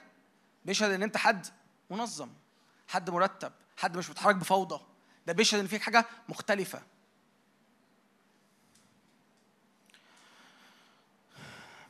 على فكرة مش كل التلاميذ ودي النقطه الثالثه مش كل اللي حوالين كانوا مش كل اللي كانوا حوالين الرب فقراء. يوسف من الرامه كان إيه؟ كان غني جدا. فالرب ما عندوش اعتراض على حد إنه يبقى غني وما عندوش اعتراض إن حد متبارك ماديا يبقى حواليه. دي مبادئ انت محتاج تفهمها. ربنا مش معترض على ده. ربنا مش متضايق من ده. ربنا مش مكسوف من حد غني. ربنا مش بيقول لحد غني ياي انت وحش. انت ما ينفعش تكون موجود حواليا. ابدا. رب كان في خدمته في ناس متباركة مادية وكان فاهم إن هم أغنياء. وكان موافق على ده. مش كل حد جاله غني قال روح بيع اللي وراك وتعالى. مش كل حد. اللي متكل على الغنى عمل معاه كده. لكن لو حد غني ومتبارك وجاله وبيقول له يا رب أنا عايز كل ما أملك يكون ليك. الرب ما عندوش أي مانع. رب يقول لك بالعكس بالعكس ده أنا عايز أستخدمك بركة أكتر في الأرض. ده أنا عايز إن أنا أغنيك أكتر وأكتر وتجارتك تكون رابحة أكتر وأكتر وأكتر إن أكون مخليك مصدر بركة وخير في الأرض. أنتوا عارفين ان إبراهيم كان غني جدا؟ إبراهيم كان عنده يعني عبيد ومواشي غنى غنى غنى غنى. هو ده نفس الشخص اللي كان متبارك هو ده نفس الشخص اللي كان في عهد مع الرب هو ده الشخص اللي كان رب يقول عليه خليلي. الرب ما عندوش مشكلة ولا في العهد القديم ولا في العهد الجديد ارجوك افهم دوا. أنا مش بقول لك ولا كون غني بدراعك وعايز أقول لك خلي بالك من حاجة تانية. ما تكونش رد فعلك للكلام اللي بيتقال هنا إنه لا على إيه وجع الدماغ ده وأنا عايز أبقى فقير. ما هو في لاهوت طلع إنه الفقراء بيخشوا ملكوت السماوات فعلا نبقى إيه؟ متقشفين. يلا نبقى وحشين وما بنستحماش وشكلنا وحش وهم دول الناس اللي هيخشوا ملكوت السماوات وهي ناس متباركة. ما معلش ما هو ده بجد الحقيقي ده اللي موجود. في ناس كتيرة جدا لما تقول له ما تيجي نشتغل ما تيجي نعمل حاجة يقول لك لا يا عم أنا خاف أنا أعملش حاجة ده ده ده ده كله شر في شر. ده رد فعل بشري ده تعليم مش كتابي. أنا عايز اكد المعلومة دي. في ناس ياما ياما ياما حصروا نفسهم في حاجة اسمها روح الفقر. في بيوت مختارة تبقى فقيرة مش لأن الرب فقرها. في ناس عاملة عهد مع الفقر. أنت لازم تفهم ده. وإياك تعمل عهد زي ده. إياك تعمل عهد مع هذا الإله ولا هذا الإله. الاتنين بيمنعوا البركة في حياتك. الاتنين قصدهم إنه يحرموك من كل بركة سماوية أبوك قايلها باسمك. حد من من من رجال الرب كان بيتكلم بره إنه قبل ما يتفرغ طول عمره كان طالع من بيت صعب وكان مجتهد وكان بيشتغل على نفسه وعايز يتبارك وعايز يبارك اللي حواليه وفاهم كويس جدا إنه ده الحقيقة. بس هو مش مدرك ان هو في عهد مع روح فقر لدرجة إنه في وقت كان عنده بدل البيزنس سبعة ويوم آه، ما قرر إنه يتفرغ للرب قال أنا هعمل الموضوع ده بشكل تدريجي مش هعمله مرة واحدة هبتدي اقفل حتة حتة حتة وأبيع وأبيع وأبيع ومن اللي ببيعه دوا هو اللي هعرف أخدم ربنا بيه. مرة واحدة لقى الحاجات اللي بيبيعها دي بعد ما شركة جت من الشركات وقالت إحنا هنتمن بأرقام كبيرة وخلاص خدوا على ده قروض وابتدوا يحسوا إنه هنقدر إن إحنا نثبت نفسنا لحد ما وقت تفرغنا ده يعني ينتهي نقدر نكون مستريحين ومطمنين وفرحانين. جت الشركة دي راحت سحبت العرض بتاعها فكل ال value والقيمة بتاعت الممتلكات بتاعتهم وقعت في الأرض. خسروا كل الفلوس وبقوا متدينين في الآخر. مش عارفين يعملوا إيه. هو ومراته. راحوا للمجلس بتاع الكنيسة. قالوا لهم إحنا مضطرين نوقف خدمة مضطرين نوقف خلاص تفرغ. إحنا لازم نرجع ال business إحنا مديونين برقم كبير قد كده. إحنا ما نعرفش يعني هنعمل إيه. وخلاص الشهر الجاي ده آخر شهر لينا في الخدمة. الكنيسة قعدت تصلي وحد من الشيوخ طلع وقال بص إحنا مش عارفين هنعمل إيه بس إحنا مصدقين ربنا هيتصرف. والرب بقى بيبعت فلوس كل شوية لتسديد هذا الدين. الراجل اللي بيكتب القصة دي بيقول أنا بعد مدة طويلة آه، ما كنتش في الأول عارف أتعامل يعني إيه إن تجيلي بركة؟ أنا ما استحقهاش. أنا طول الوقت في دماغي مخبوط بفكرة إن أنا لازم أتعب لازم أعرق لازم أستحق كل قرش. يعني إيه ربنا يطلع لي فلوس؟ يعني إيه حد يجي يقول لي خد البركة دي؟ أنا ما أعرفش أتعامل مع ده. ولدرجة إنه الدين اتسدد ومش الدين اتسدد وبس الكنيسة ربنا عمال يبعت لها فلوس أكتر وأكتر. راحوا اشتروا له بيت إن هو أسيس متفرغ. اشتروا له بيت والبيت كبير. وهو ما بقاش فاهم إزاي. أنا كنت عندي سبع سبع أنواع business مختلفة كنتش عارف أشتري دوا ودلوقتي أنا ده, ده كده غلط. ده أنا أكيد في خطية. أنا أكيد في شر عظيم. لأن أنا الأسيس المفروض أبقى شكلي وحش ومتقشف وتعبان ومتضايق وبقول يا رب ابعت يا رب ابعت يا رب ابعت. وربنا بيبعت من غير ما أقول حاجة. ده ربنا عمال يعمل كل حاجة من غير ما أقول حاجة. فأنا في حاجة غلط أكيد في حياتي. أنا محتاج أقف وأتوب.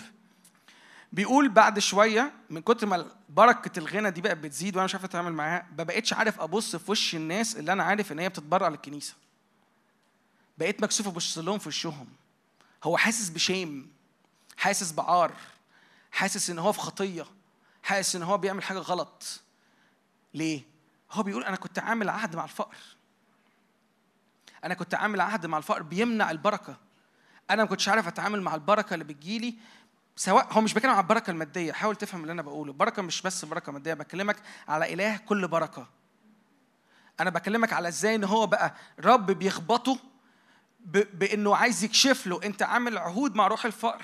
أنت عامل عهود من بيتك القديم من أيام تربيتك القديمة إن دي الطريقة اللي أنت المفروض تعيش بيها وده الاستحقاق اللي أنت المفروض تعيش بيه لدرجة إن أنا بقيت بخبطك بغنى زيادة عشان تتكسف وتحس على دمك. عشان تفهم إن اللي أنت بتعمله هو تعدي عليا. مش الهدف هي الفلوس مش الهدف إن أسكنك في بيت كويس مش الهدف إن أركبك عربية حلوة. الهدف إن أنت من جواك تكون مستقيم أمامي. هو بيقول كده أنا لأول مرة أتعلم إن هو ده الرب الإله اللي أنا بعبده. ده أنا بكلمك على حد أسيس وخادم وواحد من يعني أكبر الأنبياء. الحاجة دي هو ما كانش فاهمها. الحاجة دي ما كانش عارف يتعامل معاها. الحاجة دي كانت مستخبية rooted في قلبه من أمور قديمة. وبرغم إن الرب بيجري وراه بقاله سنين باركه في في ال business بتاعه وبقى عنده سبعه business وستيل هو مش فاهم اللي بيحصل. مشي ورا الرب وقال أنا هبقى ورا الرب. وكأنه الرب بيقول له ما تقلقش اتفرغ ليا وأنا هكفي. يقول له لا معلش أنا هروح الأول أبيع وأطمن إن في فلوس في البنك. وبعد كده بقى إيه؟ اتفرغ. بعد كده بقى امشي وراك وأنا متكل ومطمن على إن في حاجة في جيبي. وتحصل اللي حصل ده كله والرب يجي يقول ما تقلقش. انت انت مدعي للدعوة دي انت مدعي للبركة دي انت مدعي دي دعوتك. عشان كده بقول لك مهم قوي قوي قوي ما ترتبكش بأمور الحياة. مهم قوي إنك تبقى واقف في الدعوة. وقوفك في الدعوة هو اللي بيخلص الموضوع. مش ذكائك مش شطارتك مش السكيلز اللي عندك مش متاجرتك. وقوفك في الدعوة وفي العهد اللي ما بينك وبين الرب هو اللي بيخلص القصة.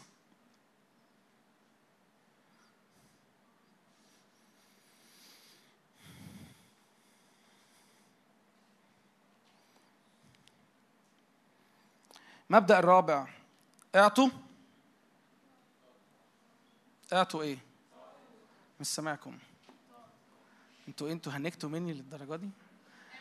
اعطوا تعطوا يعني كل ما بتدي كل ما إيه؟ كل ما بتدي كل ما إيه؟ لا أنا أنا سامع حد اتنين بيرد عليا كل ما بتدي كل ما بتعطي كل ما إيه؟ هللويا هللويا تشجع دي حاجة مشجعة قوي قوي قوي قوي قوي مشجعة إن أنت عارف إن استثماراتك مش على قدك استثماراتك السماوية مش على قدك مش على قياسك مش على حجمك دي على حجم الرب. كل ما انت الرب يقول لك ادي ده علشان انت هتاخد أكتر وتتسع أكتر عشان تدي أكتر. هو ده الموديل بتاع الرب. هو ده ال business بتاع الرب. business الرب مش جشع. business الرب مش طمع. business الرب مش أنا. business الرب هو. ما دام إدى يبقى هيدي تاني عشان عايز يوسعني وعلى حساب هذا الاتساع ناس تانية هتتبارك. تعمل إيه وأنت بتسمع الكلام ده؟ أنا عارف إنه في ناس كتيرة هنا بتحلم منكم إن يبقى عندها ال business بتاعها. أنا عارف ده. كذا حد هنا أنا عارف إن هو عنده حلم إنه في يوم من الأيام حتى لو مش بكرة حتى لو مش بعده لكن في زمن من الأزمنة هيبقى entrepreneur وهيبقى عنده الشركة بتاعته وهيبقى عنده business بتاعه وهيبقى عنده حاجته. ويقول أنا نفسي قوي أشتغل في ملكوت الرب وأعمل business kingdom وعايز أعمل بيزنس للملكوت. كم حد بيفكر كده هنا؟ من غير ما ترفع إيدك. في ناس.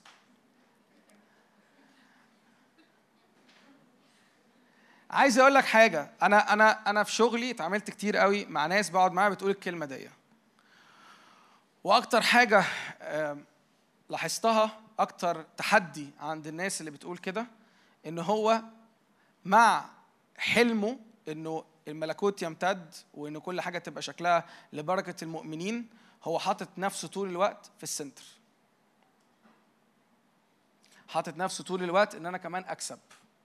حاطط نفسه طول الوقت إنه أنا أنا أنا.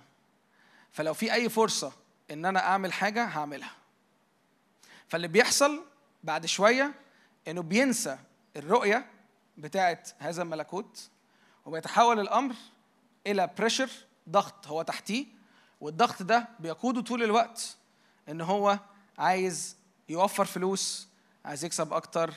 ولما بيقول أنا بشغل ناس هو ممكن يكون فعلا مشغل ناس ممكن مشغل مؤمنين وممكن يكون فعلا مصدر بركة في حياة الناس. بس هو كمان مش مدرك إنه بسبب الضغط اللي عليه ليل نهار وبسبب إن هو مستعد إن هو يعمل أي حاجة يتلاعب بأي طريقة بأي صورة علشان ال business ده يكبر هو بيرمي هو كمان لعنة على حواليه. هو مش بيبارك اللي حواليه. فعشان كده في مؤمنين كتير جدا بيقولوا عايزين نعمل business kingdom بس الحقيقة إن هم they are struggling. هم متعسرين. متعسرين من الناحية الروحية ومن الناحية المادية ومن الناحية النفسية. لأنه ال focus مش الرب ال focus أنا. تسمعوا عن حاجة اسمها إنجيل الرخاء؟ Prosperity gospel تسمعوا عنه؟ إنجيل الرخاء ببساطة عشان بس ما حدش يعني يتلخبط. انجيل الرخاء ده ببساطة بيتكلم على أنا. هدفه في الأول وفي الآخر إن أنا الرب يديني. هدفه في الأول وفي الآخر أنا أزيد. هدفه في الأول وفي الآخر إن أنا أشوف نفسي. هدفه في الأول وفي الآخر إن ال... يعني لسه كنت بقول لهم في المدرسة أو في المؤتمر الحلم بتاع ان يبقى عندي بيت وقدامه جنينة والكلب والمعرفش إيه واللي بيحصل ده كله أنا عايزه يحصل. مش مهم بقى إيه أي حاجة تانية. هو ده إنجيل الرخاء. إنك قاعد طول الوقت بتسمع إنه أنت ليك مواريث. هللويا أنا هاخد البيت أبو جنينة. هللويا. أنا ليا مواريث. أيوه يا رب ابعت الكلب. هللويا. يجي الواعظ يقول لك أنت ليك ميراثك في الرب وأنت تتشجع قوي بقى. وهي. أرجوك أرجوكي ما تحولش حق الرب اسمعوني بليز ما تحولوش حق الرب إلى حق شخصي. لما بتحوله لحقك I'm sorry to tell you بس أنت كده بتلعب في إنجيل الرخاء. أنت كده بتلعب في أنا. أنت كده بتلعب في الذات. إنجيل الملكوت هو بيلف وبيدور حوالين إيه؟ ملك. هو. ملكوته هو. امتداد ملكوته هو. ينبغي إن هو اللي إيه؟ يزيد وأنا أنقص. ينبغي إن هو ملكوته تملى الأرض كلها. هو يستاهل إن مجد ملكوته يتشاف ويتسمع إلى أقصى المسكونة. مش يتقال إنه سامر عملها وبقى شاطر. مش يتقال إنه سامر عدى. مش يتقال إنه سامر عرف يعملها عرف يبقى خادم شاطر وبزنس مان شاطر. كده أنا بلعب في ملكوتي أنا. بلعب في الأنا بتاعتي. ما بقتش بلعب في ملكوته. لو أنا متحرك في ملكوته يبقى هو أعطى هو أخذ ليكن اسم الرب إيه؟ مش فارق معايا. ليه؟ لأنه منه وبه وله كل حاجة. ده لا عربيتي ولا لبسي ولا ال business account ولا اللي مدخل ابني المدرسة ده أنا ولا اللي ادى بركة في مرتبي ده أنا ولا اللي مخليني أعرف أسكن في البيت ده أنا ولا اللي مخليني عارف أكل مراتي ده أنا ولا اللي مخليني عارف أكل ابني ده أنا. ده الرب. فأنا مش محتاج أشيل هم.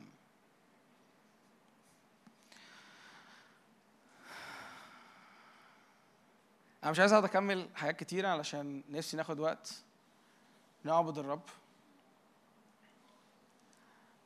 بس أنا فارق معايا إنه في وقت العبادة دي كده إنه يمكن في حاجات أنت ما صليتلهاش قبل كده من اللي أنا قلته ده يمكن في حاجات جديده أنت أول ما تسمع عنها يمكن في حاجات جديدة. يمكن كنتش متوقع أصلا وأنت جاي الاجتماع النهارده إنك تسمع عن الموضوع ده. آه وأنا متخيل إن أغلبكم ما كانش متوقع إن إحنا هنتكلم عن الموضوع ده النهارده. ممكن يكون قاعد يعني شكرا إن أنتوا قاعدين يعني للي قاعدين ادوا لنفسكم سقفة. اشجعكم رغم إن الموضوع يعني صعب وتقيل بس آه، أنتوا استمريتوا وقررتوا تقعدوا للآخر وتسمعوا. أنا نفسي نعمل حاجة. ال ال الوقت العبادة اللي جاي دوا أنت محتاج تفهم إن أنت زي ما كنت بحكي كده من شوية أنت في تجارة مع الرب. انت بتقول له انت انت اللي عندك قوي قوي انت اللي عندك اغلى قوي مني فاعطيني مما عندك. اديني اللي عندك. اللي عندك الغالي قوي ده أنا عايز أكتر أنا عايز أكتر أنا عايز أكتر. فوانت واقف بتعبد الرب دلوقتي ببساطه كده افتح إيدك قدامك قول له give me Jesus. اديني يسوع. اديني يسوع اديني يسوع اديني ملكوته اديني طرق يسوع اديني محبة يسوع اديني إدراكات يسوع اديني تجارة يسوع. اديني قلب يسوع اللي مش بيرتبك. قول يا رب ها أنا ذا واقف أمامك. ممكن نقف مع بعض؟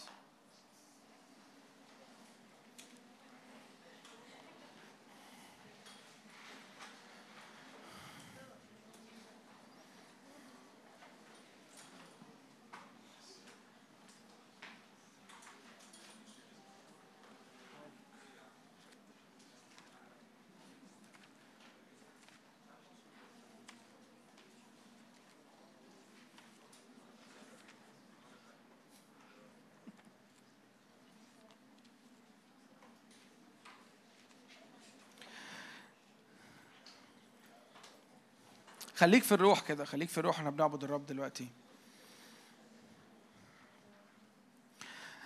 ده وقت غالي قوي قدام الرب. ده وقت تقدم فيه عبادتك قدام الرب. قدم نفسك قدم روحك. ادرك كده هويتك قدام الرب. ادرك العهد اللي ما بينك وما بين الرب. في عهد شخصي الرب صنعه معك في يسوع.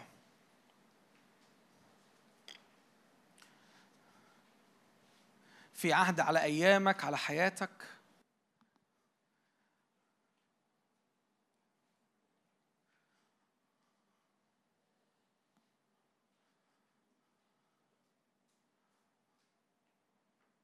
غمض عينيك كده وشوف اللي حصل في الروح دلوقتي. يمكن فينا ناس محتاجة تتوب يمكن فينا ناس محتاجة تتعلق بالرب أكتر وأكتر. يمكن فينا ناس محتاجة تيجي دلوقتي عند الصليب وتقول له أنا يمكن يا رب ما سمعتش الكلام ده قبل كده فأنا بحط عندك كل شيء. أنا بحط عندك كل شيء بحط عندك كل حياتي وكل مستقبلي. شغلي ارتباطاتي. قدم قلبك للرب. ده وقت تقدم فيه قلبك للرب. حب الرب إلهك. حب الرب إلهك من كل قلبك. حب حب حب. ده وقت تحب الرب إلهك. قول له كده تعلقت نفسي بك.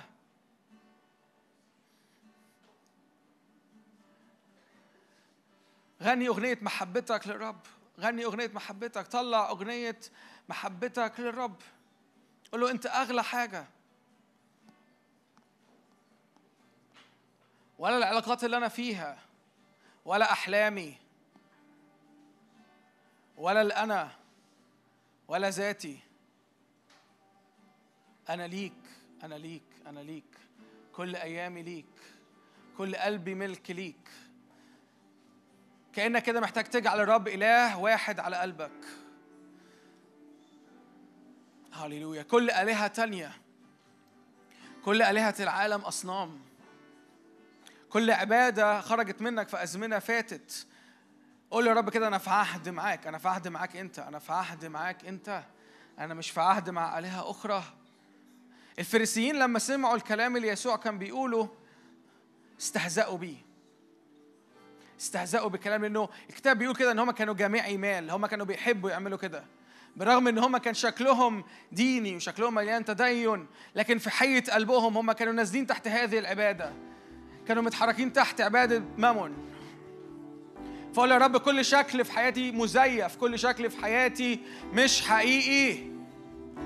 هللويا هللويا هللويا أكون حقيقي قدامك. امتحن قلبي امتحن أفكاري. امتحن قلبي امتحن أفكاري. هللويا هللويا هللويا هللويا. هللويا هللويا هللويا هللويا. هللويا هللويا هللويا. في شعب بيرجع للرب. هللويا. شكريا لنا كريتا سنتكريا لنا كروتا الشيفا هللويا. هللويا هللويا هللويا هللويا. اعلن محبة الرب على حياتك. كنهر سلام هللويا. في نهر عابر في وسطينا الرب بيرد نفسك. بيقول لك لا تخف لا ترتعب. هللويا أنت لي أنت قدس لي. هللويا هللويا هللويا هللويا.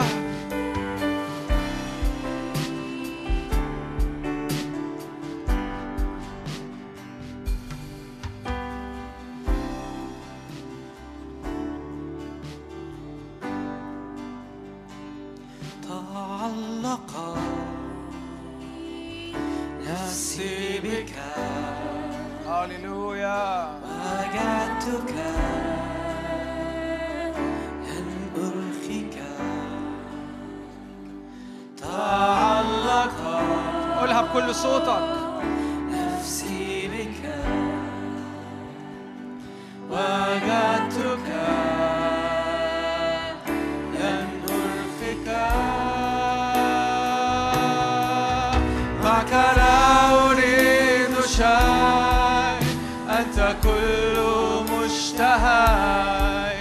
حبيبي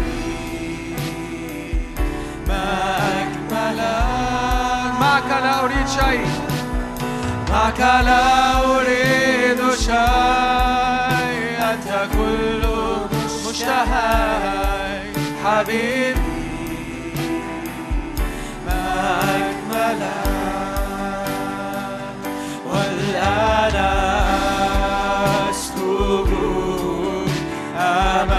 أمامك الحي والآن أخضع لملكك علي والآن أسكب أمامك أمامك الحي والآن أخضع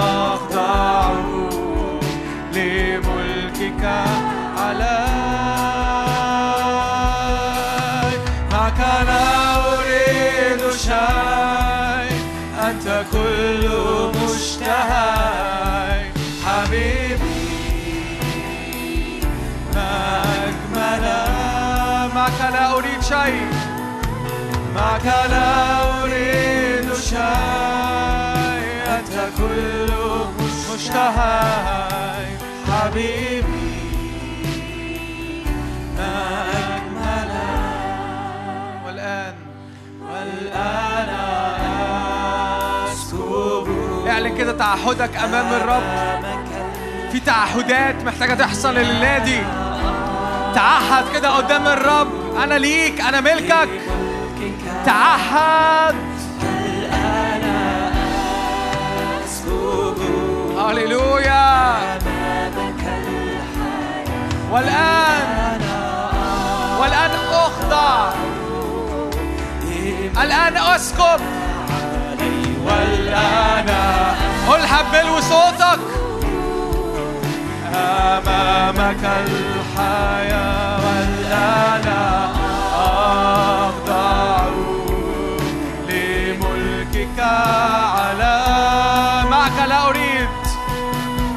معك لا أريد شيء أنت كل مشتهى حبيبي.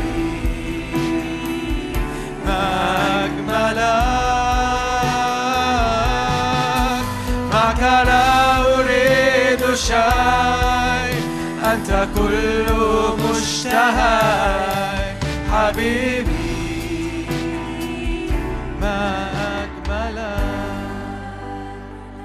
هللويا. تعلقت. نفسي بك. نفسي بك. وجدتك. أنت كنزي. أنت كنزي العظيم. تعلق هللويا. استغلى عمل الرب. استغلى عمل الرب. استغلى استغلى. استغلى عمل الرب في حياتك. تعلق نفسي بك افهم قيمة اللي الرب عمله عشانك. وجدتك تعلقت. تعلق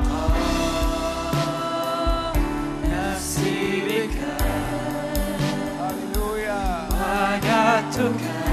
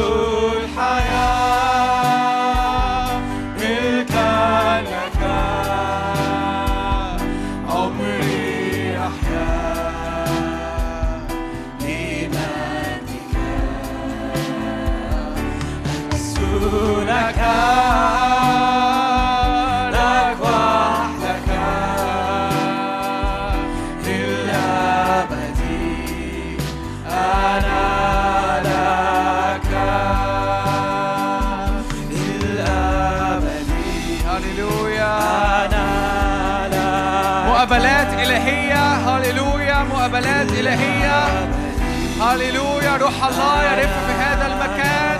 يعلن عن نفسه يعلن عن حضوره. هللويا. هللويا هللويا. روح الرب هنا الآن روح الرب هنا الآن. تعاملات في الروح تعاملات في الروح تعاملات في النفس تعاملات في القلب. هللويا هللويا هللويا. للأبد.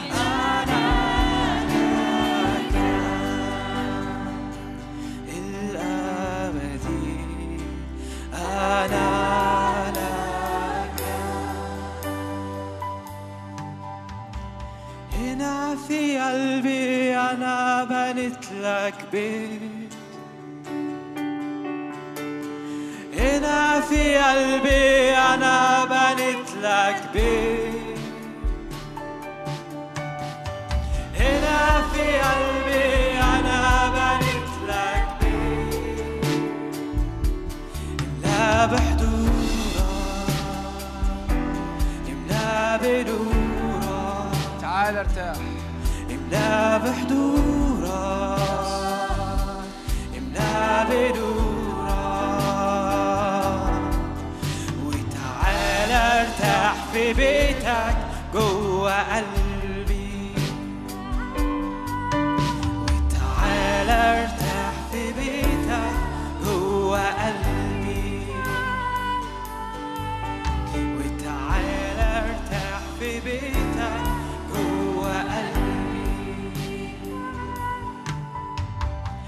هنا في قلبي أنا بنت لك بيت. هنا في قلبي أنا بنت لك بيت. هنا في قلبي أنا بنت لك بيت. املا بحضورك املا بنورك املا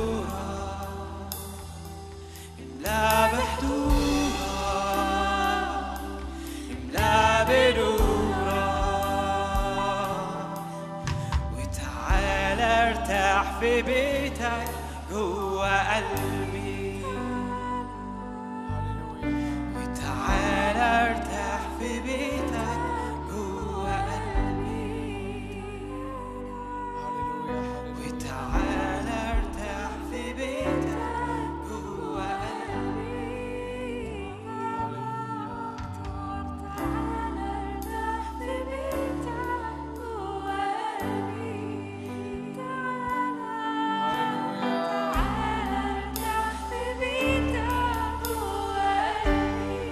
الرب كنهر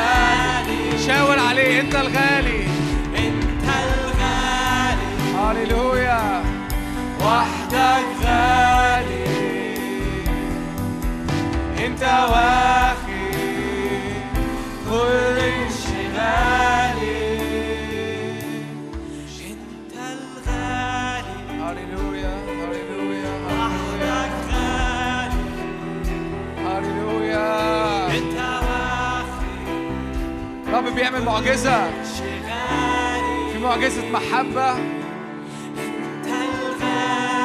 معجزة محبة مع مشتهى الأمم.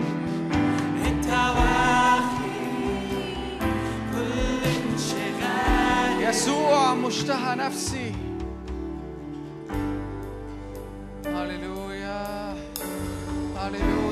هللويا هللويا نهر محبة نهر سلام نهر راحة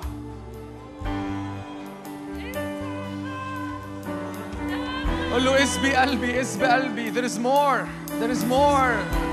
اسبي قلبي في أكتر لسه في أكتر لسه يا يسوع دخلني في اعماق قلبك خبيني في اعماق قلبك انت اغلى حاجة. أيوه يا رب أنا بعلن ان انت الغالي مش حاجة تانية.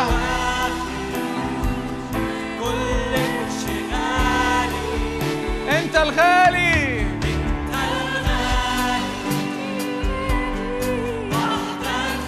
اسبي قلبي اسبي قلبي.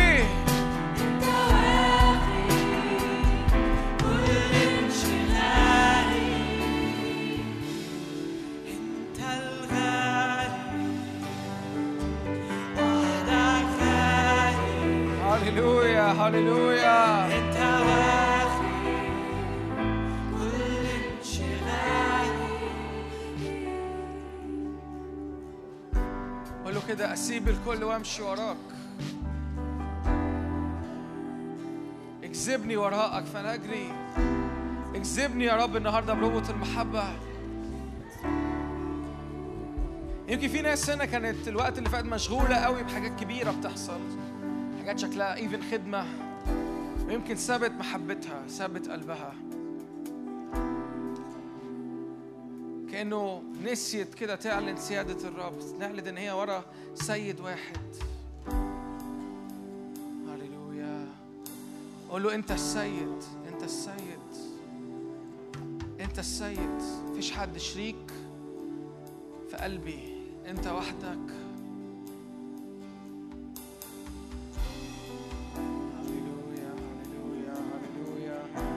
قول أنا مش هنسى العهد قول أنا مش هنسى العهد. أنا مش هنسى العهد. أنت مشتهى قلبي. أنت مشتهى قلبي. كل تجارة بابل فاسدة. مش هتديني حاجة. أنت مشتهى قلبي.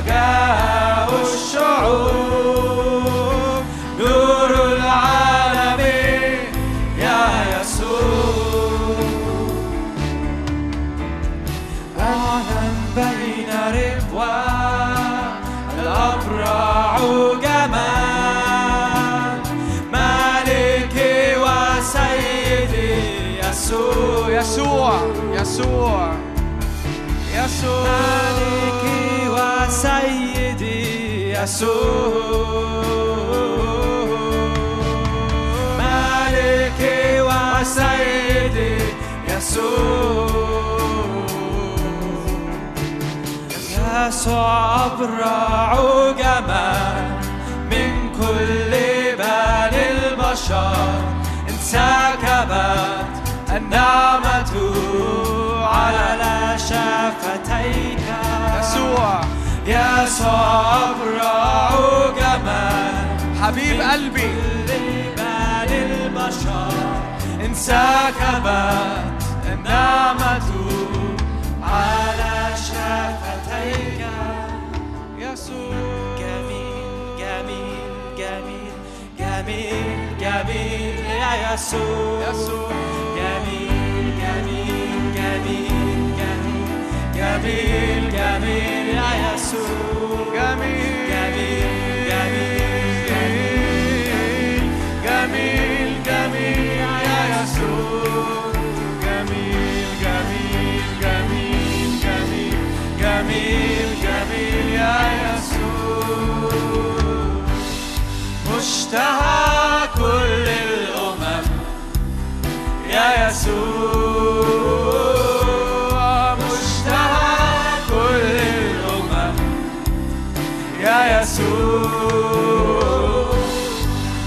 مشتهى كل الأمم. يا يسوع. جميل جميل جميل جميل جميل جميل. يا يسوع. جميل جميل جميل جميل جميل جميل. يا يسوع. يسوع يسوع. يسوع بنعلنك سيد. بنعلنك ملك على قلوبنا. لتكن قلوبنا كده يا رب تحت سيادة سيادة الرب الإله يسوع المسيح.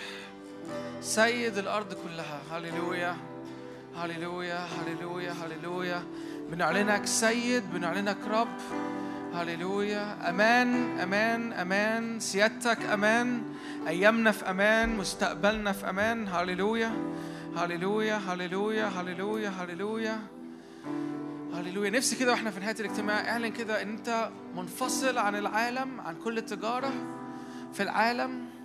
انت قدس للرب. هللويا. أقول له كده يا رب أنا بشهد انه لست لهذا العالم لا لشهواته. هللويا. هللويا. لا لا لتجارته. هللويا.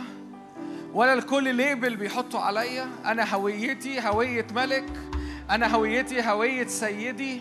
هللويا هللويا هللويا متاجرتي تبقى تحت شرعيتك مش تحت حاجة تانية. هللويا اعلن اعلن اعلن اعلن اعلن كده. سيادة الرب على حياتك. اعلن سيادة الرب على حياتك. هللويا نفسي الحاجة كمان نعلنها كده إنه لا بالقوة ولا بالقدرة. اعلن كده اعلن كده. لا بقدرتي يا رب. ولا بقوتي هعملها لكن بروحك أنت يا رب الجنود انت تصنع في هذا أكون مفخرة للأمم. هللويا هللويا. يتبص عليا ويتشاف سيدي يتبص عليا ويتشاف الملك بتاعي يتبص عليا ويتشاف أبويا. هللويا هللويا هللويا هللويا هللويا. هللويا هللويا هللويا. هللويا. يا رب أنا بغطي يا رب كل إعلان اتحط النهارده. كل وديعة اتحطت النهاردة كل كنز يا رب اكتشف النهاردة. كل يا رب ذهب غالي كل محبة غالية. هللويا. بعلن يا رب كده محبتك لأولادك بعلن يا رب سلامك لأولادك رحمتك خيرك. هللويا. خير ورحمة يتبعانني كل أيام حياتي. هللويا. لأني اخترت النصيب الصالح لأني اخترت الرب الإله. مبارك اسمك. أمين. أمين.